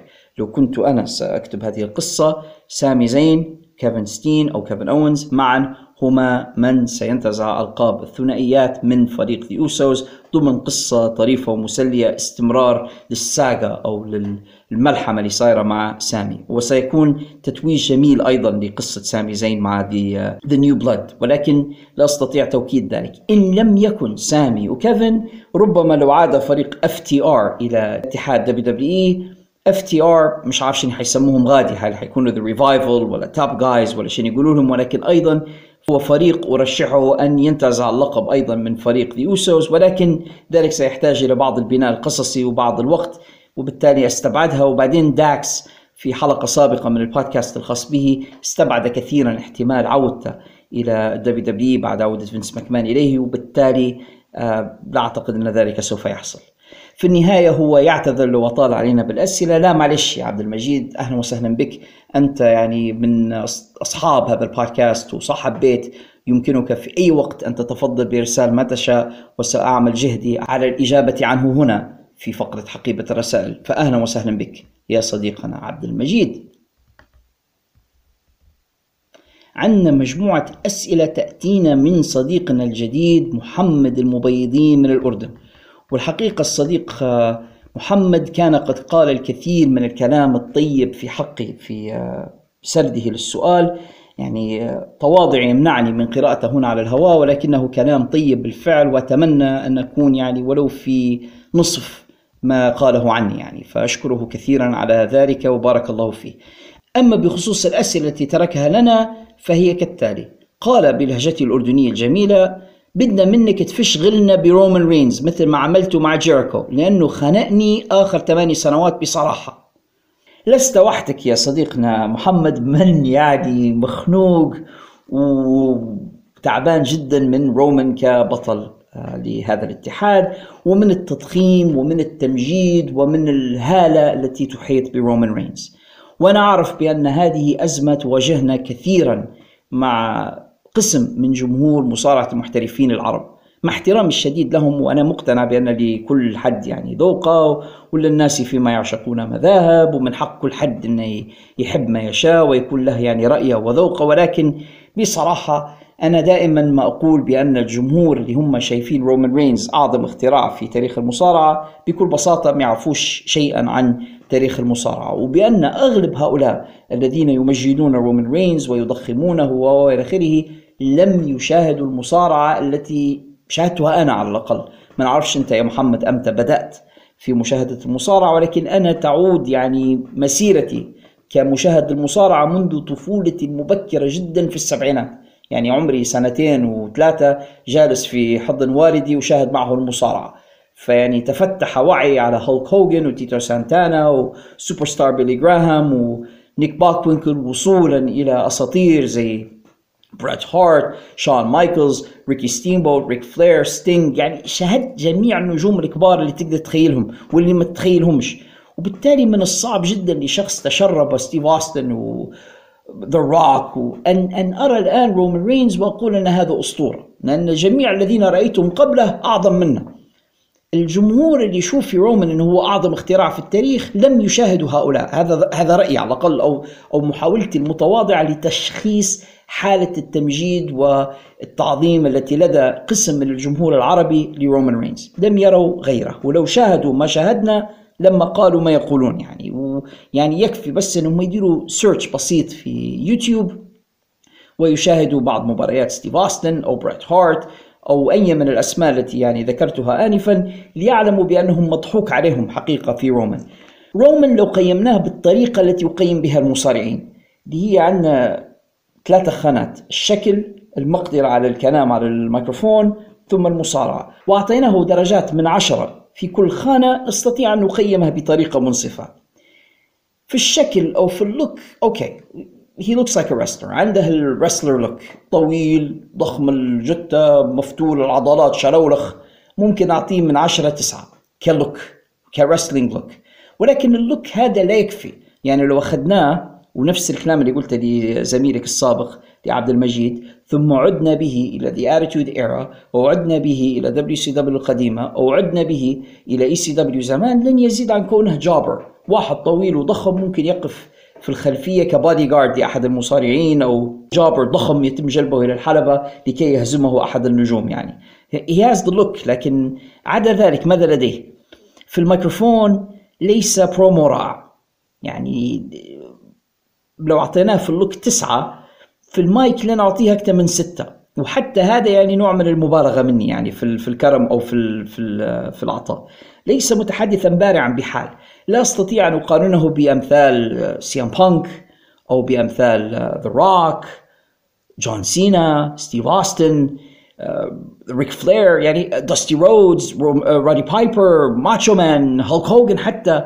هؤلاء عباقرة في المايك. عندما يمسك أحدهم الميكروفون ويبدأ في الحديث أنت مستمتع بالخطاب الذي يلقيه المصارع. أنت تستمع إلى ال catch phrases وإلى الجمل وإلى العبارات وإلى الطريقة في الكلام.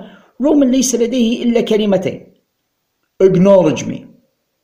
بعد ذلك هو يقف في الخلف ويقوم يعني making faces يعني أو يعطينا بعض الإيحاءات بوجهه ويقوم بول هيمن بالكلام نيابة عنه.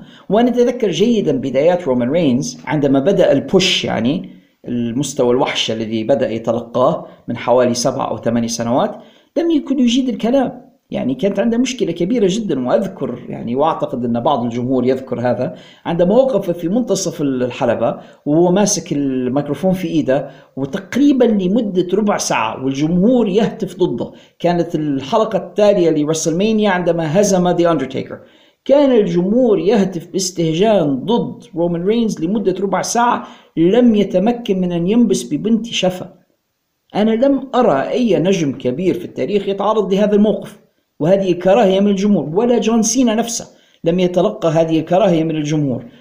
رومان لم يكن متحدثا بارعا في يوم وحتى بعد ما تلقى بعض ال acting lessons أو بعض الدروس في التمثيل تحسن قليلا ولكنه ليس good uh, promo. ستة وهذه مبالغة أما كمصارع وهذا يعني المهم this is what matters. هذا هو الجزء المهم في المصارعة أن يتمكن من الأداء داخل الحلبة كبروفيشنال رسلر هو سيء جدا جدا جدا داخل الحلبة كلمزي ما يعرفش يصارع ما يعرفش يأدي يحتاج إلى مصارع جيد معه داخل الحلبة ليخرج منه مباراة جيدة.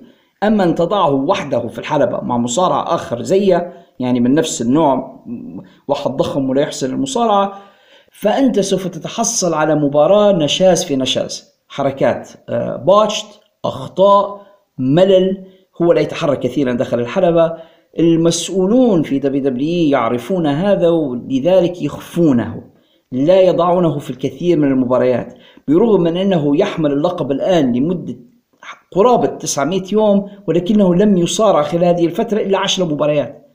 ماذا يقول لك هذا؟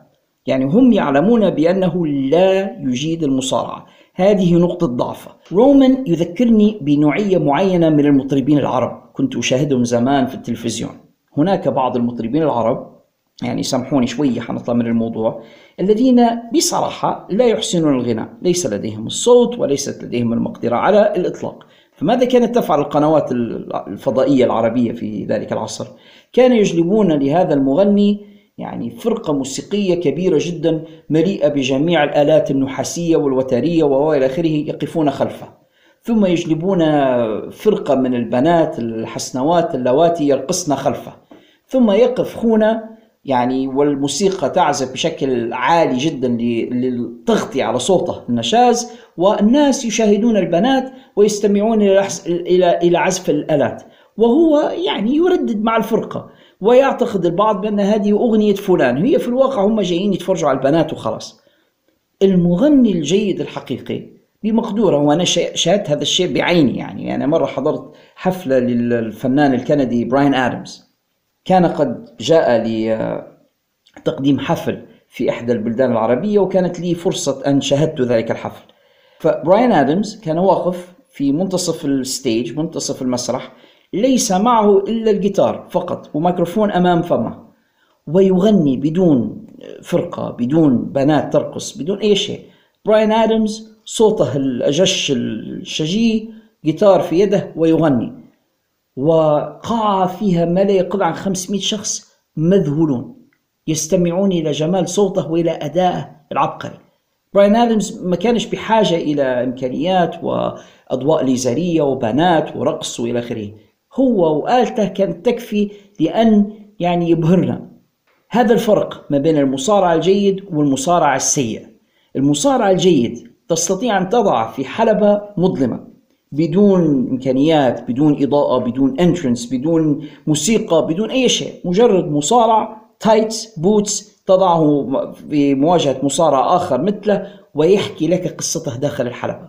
أمثال براين دانيلسون أوستن إيريز كيفن ستين سامي زين لما كان في برضه في Ring of Honor سي ام بانك زمان سمو جو زمان اوستن ايريز زمان كل تلك الدفعة التي تدربت في Ring of Honor كنا نشاهدهم في مباريات تخلو من المحسنات البديعية تخلو من المؤثرات الخاصة تخلو من كل تلك المظاهر والبهرج. مجرد مصارع ضد مصارع داخل حلبة مظلمة. وكنا نشاهد مباريات أسطورية تحف بمقدورك أن تبحث عنها في يوتيوب وسوف تتسلى كثيرا بمشاهدة Pure Professional Wrestling. هل بمقدوري أن آخذ رومان وأضعه في تلك البيئة؟ ويقدم لي منتجا مشابها؟ مستحيل. وأي واحد يعرف رومان وأي واحد يعرف المصارعة يعرف بأن رومان رينز ليس من هذا النوع من المصارعين. وليس هو فقط. الكثير من الموجودين في WWE اليوم لا ينفعون في المصارعة. هم ينفعون في ال show business لهذا رومان رينز نفسه الآن ينظر إلى باب الخروج. هو يريد أن يخرج من المصارعة ليذهب إلى هوليوود مثل جون سينا ومثل ذا روك وباتيستا وغيرهم.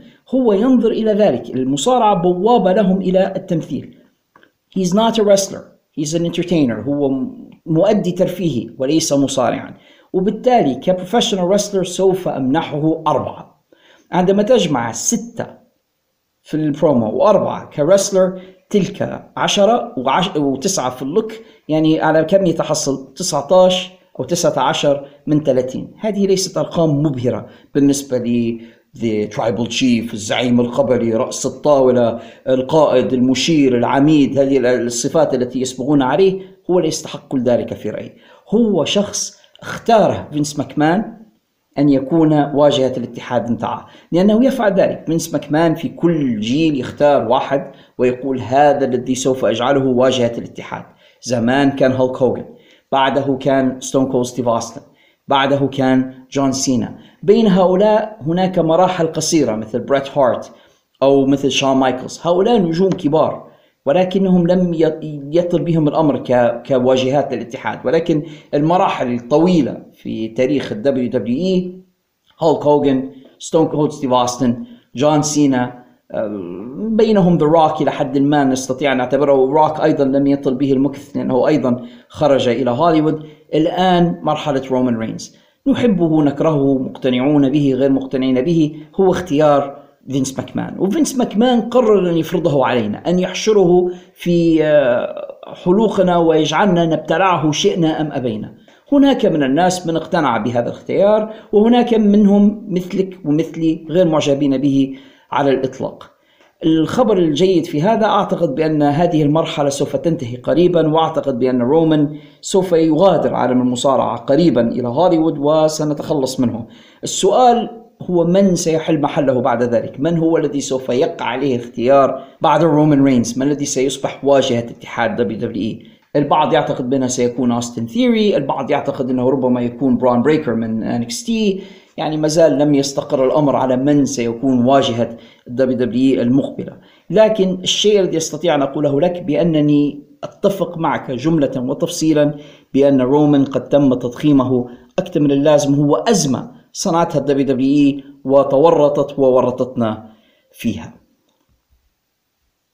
سؤالها الثاني من هو أفضل شخص لإنهاء مسيرة كل من إدج وري ميستيريو وراندي أورتون وذا روك بالنسبة لإدج لو كان كريستيان موجود في WWE كنت أقول لك أن أفضل نهاية لهما معا مباراة يعتزلان بعدها يعني إدج وكريستيان ضد بعض وتكون هي النهاية النموذجية. لا أرى إمكانية تحقق ذلك الآن لأن كريستيان موجود مع AEW لا أعرف متى ينتهي عقده معهم ولكن لو حصل ذلك أعتقد أنها تكون النهاية النموذجية بالنسبة لإدج وكريستيان معا أن يعتزلا معا في مباراة آه، نهائية. ري ميستيريو المنطق يقول بأن الذي سينهي مسيرته هو ابنه دومينيك. آه، سيكون الأمر محزنا ولكن يبدو الأمر منطقيا. آه، لو كان تشافو غريرو ما زال في الحلبات تشافو قد يكون خصم جيد جدا لري أيضا وبينهما تاريخ طويل والرابط المشترك ما بينهما طبعا هو الراحل إدي غريرو. ولكن الطريقة التي تبدو عليها الأمور أعتقد بأن دومينيك هو الذي سوف ينهي مسيرة ري ميستيريو في النهاية. راندي أورتن يا صديقي أعتقد بأن مسيرته قد انتهت بالفعل. أعتقد بأنه لن يعود إلى الحلبات كمصارع قد أكون مخطئا وأتمنى أن أكون مخطئا في ذلك ولكن راندي أورتن يعني حالته ليست جيدة على الإطلاق ولا أعتقد بأنه سوف يعود للحلبات للمصارعة فيها. ولكن في الحالة النموذجية لو كان يعني راندي في حالة جيدة وكان بمقدوره العودة للحلبات أيضا ربما راندي أورتون وإدج تكون مباراة جيدة وتنهي مسيرة كل منهما لو تعذر إمكانية الحصول على كريستيان ربما راندي وإدج ينهيا مسيرة مع مسيرتهما معا يعني بطريقة ما قد تكون نهاية جيدة. بالنسبة لذا روك ذا روك يا صديقي أعتقد بأنه سوف يستمر في الحلبات مثل هوجن يعني لا نستطيع إنهاء مسيرة ذا روك ذا روك سيبقى دوما يعني الباب مفتوحا أمامه. سيأتي متى ما شاء ويغادر متى ما شاء ويعمل ظهورات شرفية وقد يعمل مباراة هنا أو هناك. لا أعتقد بأن أحد سوف ينهي مسيرة ذا روك بشكل نهائي. ذا روك سيستمر. هذا رأيي أنا على الأقل. آه، إذا كان أحد سينهي مسيرته تماما يعني خلاص ذا روك يقول بأنه لن يعود إلى الحلبات بعدها أبدا أبدا أبدا. سيكون رومان رينز رومان باعتباره قريبة وبينهما تلك الصلة. وال Bloodline ربما يكون هو الشخص المناسب لإنهاء مسيرة الروك ولكن لا أعتقد بأن ذلك سوف يحصل. سؤاله الثالث من أفضل على الحلبة؟ جوني غارغانو أم دانيال براين؟ Well بادئا بدء هو لم يعد دانيال براين هو براين دانيلسون وبصراحة يعني آه، أي واحد استمع إلى حلقات قديمة من البودكاست يعرف رأيي في براين دانيلسون أنا أعتقد بأن براين دانيلسون هو واحد من أفضل المصارعين ليس لهذا الجيل فقط ولكن في التاريخ. براين دانيلسون مصارع ليس له مثيل في هذا الجيل إلا قلة قليلة جدا. وغارغانو مع احترامي لبعض مهاراته هو ليس مصارعا سيئا ولكن لا أستطيع أن أضع جوني غارغانو وبراين دانيلسون في نفس الجملة. يعني مسيرة براين دانيلسون في Ring of Honor وحدها يعني تكفي لوضعه في في أي صالة مشاهير. ما بالك بالمسيرة التي فعلها بعد ذلك في WWE في كلمة واحدة براين دانيلسون أفضل من جوني غارغانو بكثير جدا. هذا رأيي أنا على الأقل. سؤاله الرابع والأخير شو سبب نجاح كودي وتقبل الجماهير له في WWE مع أنه في AEW كان نفس الشخصية والدخلة والأغنية والمستوى وكانت الجماهير مش طيقاته السبب يا صديقي هو أن كودي هو بهذه الشخصية والطريقة والدخلة والأغنية وإلى آخره is a WWE wrestler. يعني هذا ال style style المناسب جدا في ال WWE مصارع كبير الحجم وعنده دخلة كبيرة والبهرجة وال show والإمكانيات هذه كلها مناسبة لل WWE نوعية الجمهور الذين يحبون ال WWE يحبون مثل هذا النوع من المصارعين ولذلك ينجح بشكل طبيعي جدا هناك. الطرف المقابل الجمهور الذي يحب AEW ويفضل ال indie style ينفر بشكل طبيعي من هذا النوع من المصارعين. مصارع زي كودي لديه الإمكانيات التي تؤهله للأداء في WWE يصبح automatically وبشكل تلقائي مكروها من الجمهور اللي موجود في اي دبليو اي دبليو يريدون المصارعين ال indie الأصغر حجما الإمكانيات البسيطة لا يميلون إلى كل هذا. وبفرض أنه إذا جاء مصارع ولديه هذه الدخلة والموسيقى والبهرجة وإلى آخره فهم يفضلون ال style الياباني وليس الستايل الخاص بالدبليو دبليو ولهذا أنا يعني محاولتي لتفسير الأمر هو أن كودي custom made أو يعني مصنوع مخصوص لل WWE منتج مناسب لل WWE عندما تأخذه وتضعه في AEW هذا المنتج لا ينجح. ولتقريب الصورة أكثر نرى CM Punk اللي هو في الأصل آه ال indie wrestler أو مصارع مستقل. عندما كان في WWE كانت هناك مقاومة شديدة له لأن ال style والطريقة التي جاء بها ل WWE كانت قريبة جدا من الاتحادات المستقلة وهذا ما نفر منه مسؤولو الاتحاد وحتى جمهور الاتحاد في البداية. عندما ذهب بانك إلى AEW نجح لأن الجمهور هناك يتقبل هذه الطريقة the indie style فهي مدارس وعقليات. كودي از دبليو دبليو رسلر في الأساس. هو جاء من ال WWE وعندما بدأ يستخدم امكانيه الدبليو دبليو في اي دبليو كرهه الجمهور هناك. عندما عاد إلى WWE كودي واستخدم أسلوب ال WWE هناك نجح بالطبع. هذا رأيي أنا في الموضوع على الأقل. يعتذر في نهاية أسئلته على الإطالة وأقول له كما أقول لجميع الأصدقاء أهلا وسهلا بك في أي وقت بالعكس أنا أتمنى أن تطيلوا أكثر وأكثر لأن هذه الفقرة هي التي تتيح لي بالفعل الفرصة لكي أشرق وأغرب معكم وأجيب على جميع هذه الأسئلة المختلفة التي أسعد بها دوما وأنا سعيد بك جدا يا صديقنا محمد بيضين من الأردن الشقيق. وكالعادة ختامها مسك مع صديقنا عبد العزيز حسن من الكويت الشقيق. يبدأ كما العادة بالسلام عليكم ورحمة الله وبركاته. وعليكم السلام ورحمة الله وبركاته يا صديقنا عبد العزيز. شلونك وشلون أهلنا في الكويت العزيز؟ السؤال الأول لماذا إيريك بيشوف كان يلقب ب Easy E؟ الذي أطلق هذا اللقب على إيريك بيشوف هو سكوت هول. وعندما تعلم بأن سكوت هول هو من أطلق اللقب يصلك نصف الجواب على الأقل. E هو اختصار إيريك يعني هو Easy Eric هكذا يريد أن يقول. إيريك السهل. وبالطبع إيريك كان سهل بالنسبة لسكوت هول لأن سكوت هول وكيفن ناش كانا يجيدان العزف على مشاعر إيريك بيشوف وأخذ كل ما يريدانه منه. He was easy Eric easy E. لكن هناك أيضا رابر معروف بهذا الاسم Easy E. فأعتقد بأن إيريك بيشوف كان يعتقد بانه cool هيك أو انه شيء يعني لذيذ انه يسمي نفسه rap name على أساس أنه هو واحد cool وكذا. لكن في الحقيقة المصارعون في غرفة الملابس أطلقوا عليه اسم Easy E لأنه كان من السهل جدا أن يأخذوا منه ما يريدون ولهذا أطلق عليه هذا الاسم Easy E. السؤال الثاني ما معنى عبارة A E F'N W okay يا صاحبي ناخذها وحيدة وحيدة.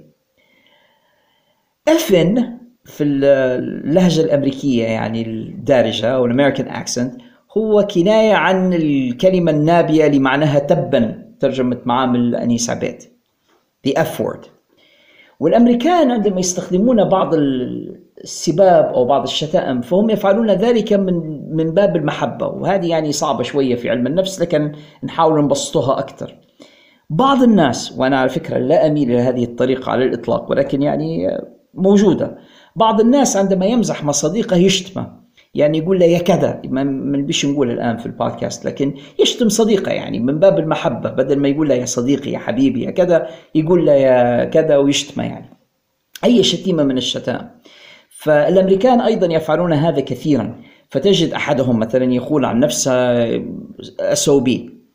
أيضا لا أريد أن أقولها بمعنى ابن كذا يعني. فهو لا يقول هذا من باب انه يشتم أمة ولكن يقول I'm a tough SOB بمعنى أنا واحد قوي يعني. هي كناية عن القوة. فعندما يقولون عن شيء effing هو لا يشتم الشيء لا يقول إنه لعين ولكنها الطريقة في المدح انه يشتمه بالمدح. الشباب في مصر مؤخرا يفعلون ذلك يعني. لاحظته في بعض مصطلحاتهم وكلماتهم عندما يصف شيء يقول دي حاجة فقره دي حاجة كفرة. هو لا يقصد الشتم الشيء أن يصفه بالكفر والفجور ولكن في الواقع هو نوع من المدح. أنه يمدحه بأن يقول عنه بأنه كافر أو فاجر. يعني هي زي ما قلت لك reverse psychology أو علم نفس العكسي فأحيانا الأمريكان لكي يشتموا شيء يقولون عليه مش it's not good it's effing good. يعني هذه كناية عن شدة ما هي جميلة يعني نقول جميلة فشخ. أو آه، وصلت يعني الفكرة. فجت فترة الآن سأرجع بك إلى أصل الموضوع.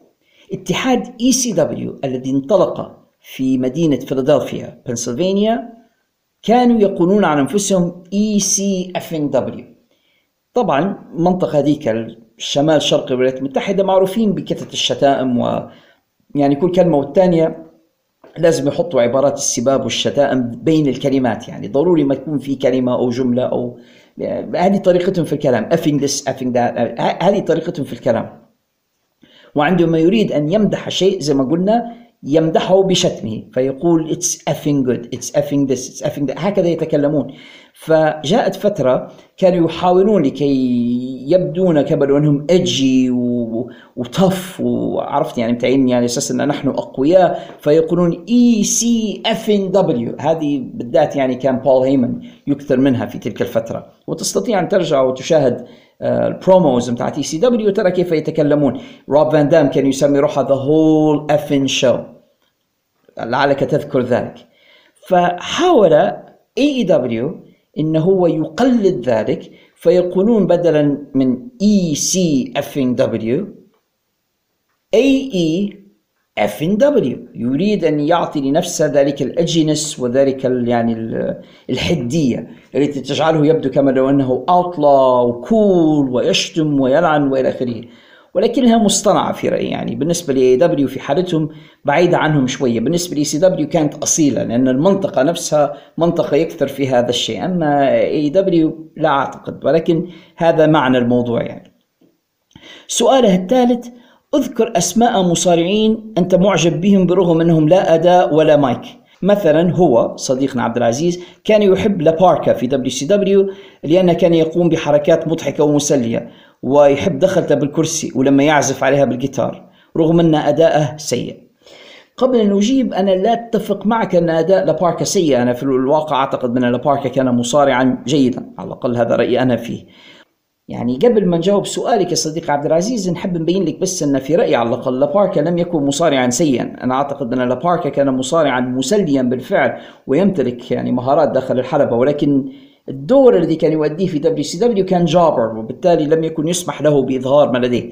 لكن لاباركا في الواقع مصارع جيد هذا ابتداء بالنسبة لي المصارعين المضحكين اللي كانوا يعجبوني رغم أنهم لم يكونوا نجوما كبارا داخل الحلبة لأنهم لم يكونوا آه، موضوعين حتى في في الدور هذا. يعني ما كانوش main آه، eventers ولكن رغم ذلك كانوا مسليين بالنسبة لي. أول اسم يأتي إلى بالي تشيز برجر من Ring of Honor ولو استمعت إلى الحلقات التي عملها مع عزيزنا خالد ونتكلم فيها أحيانا عن Ring of Honor Cheeseburger أحد هؤلاء الذين أتسلى بهم واستمتع برغم أنه هو ليس نجما كبيرا بالمرة يعني لكن أتسلى بوجود تشيز برجر وأستأنس به كثيرا. مصارع آخر من هذا النوع في دبليو سي دبليو زمان ذا كات ارنست ميلر أيضا كان مسليا بشكل غير عادي يضحكني وال promos التي يفعلها والشخصية التي كان يقدمها كانت مضحكة بشكل غير عادي. ارنست كات ميلر لو أعود إلى التاريخ أكثر أذكر فريق The Bushwhackers في WWF أو رعاة الغنم. أيضا كانوا آه، مضحكين للغاية وشخصيتهم كانت طريفه رغم أنهم مش نجوم بأي حال وكانوا يعتبروا more or less jobbers مصارع آخر من هذا النوع شارك بوي في اتحاد TNA لا أعرف إذا كنت تذكره أم لا. آه، كان يدير في gimmick شبيهة شوية بستون كولد ستيف بطريقة مضحكة. وكان بصراحة يعني آه، تجدني يعني نتكركب على الأرض عندما أشاهد شارك بوي وال antics التي يقوم بها. شخصية كوريمان التي كان يؤديها كريستوفر دانييلز المصارع المقنع أيضا مضحك بشكل غير طبيعي و jobber مسلي. سوبر إيريك التي قدمها إيريك يونغ أيضا من هذه الشخصيات المسلية والمضحكة في آن. هناك الكثير منهم الحقيقة وللكوميديا مكانها في مصارعة المحترفين وهذا النوع من المصارعين بالفعل يعني يتسلى بوجودهم داخل الحلبات وشكرا لك أنك أنت سألتني عن هذا. أما السؤال الأخير قال بأنه على طاري لاباركا يعني على ذكر لاباركا يريد بعض المعلومات ولو نبذة مختصرة عن مسيرته. حبا وكرامة يا صديقي. بالنسبة للاباركا اسمه الحقيقي أدولفو تابيا. وأدولفو تابيا هذا مصارع مكسيكي من مواليد سنة 1966 وقد صارع في جميع الاتحادات المكسيكية المختلفة CMLL و Triple A وكانت له مسيرة في بلده قبل أن يصل إلى الولايات المتحدة ويشارك مع WCW. من سنة 96 واستمر إلى سنة 2000 وخلال تلك الفترة آه، أخذ لقب The Chairman of WCW ومش المقصود بال chairman يعني رئيس مجلس إدارة ولكن الرجل الذي يحمل الكراسي. ومن الطريف أن أشهر مباراة للاباركا لم يكن مشاركا فيها لاباركا هي المباراة ما كانت المفروض ما بين لاباركا وماتشو مان راندي سافيج.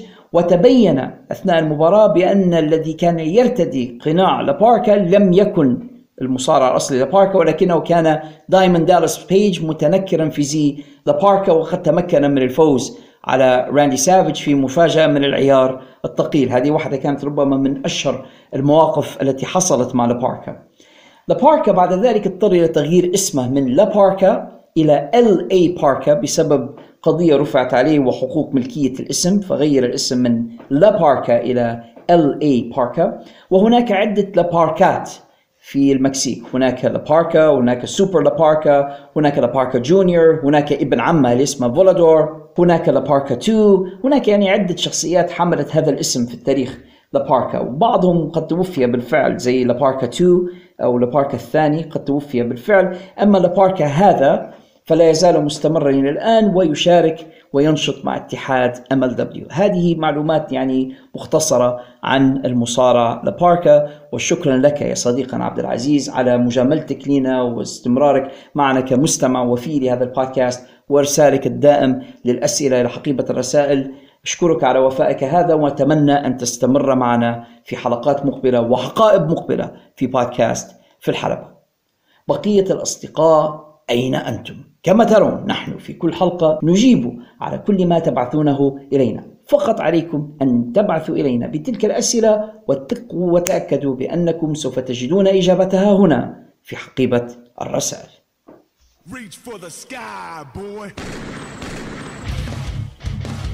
الوقت بصحبتكم يمر سريعا أصدقائي المستمعين ولكن ها قد آن وقت الرحيل.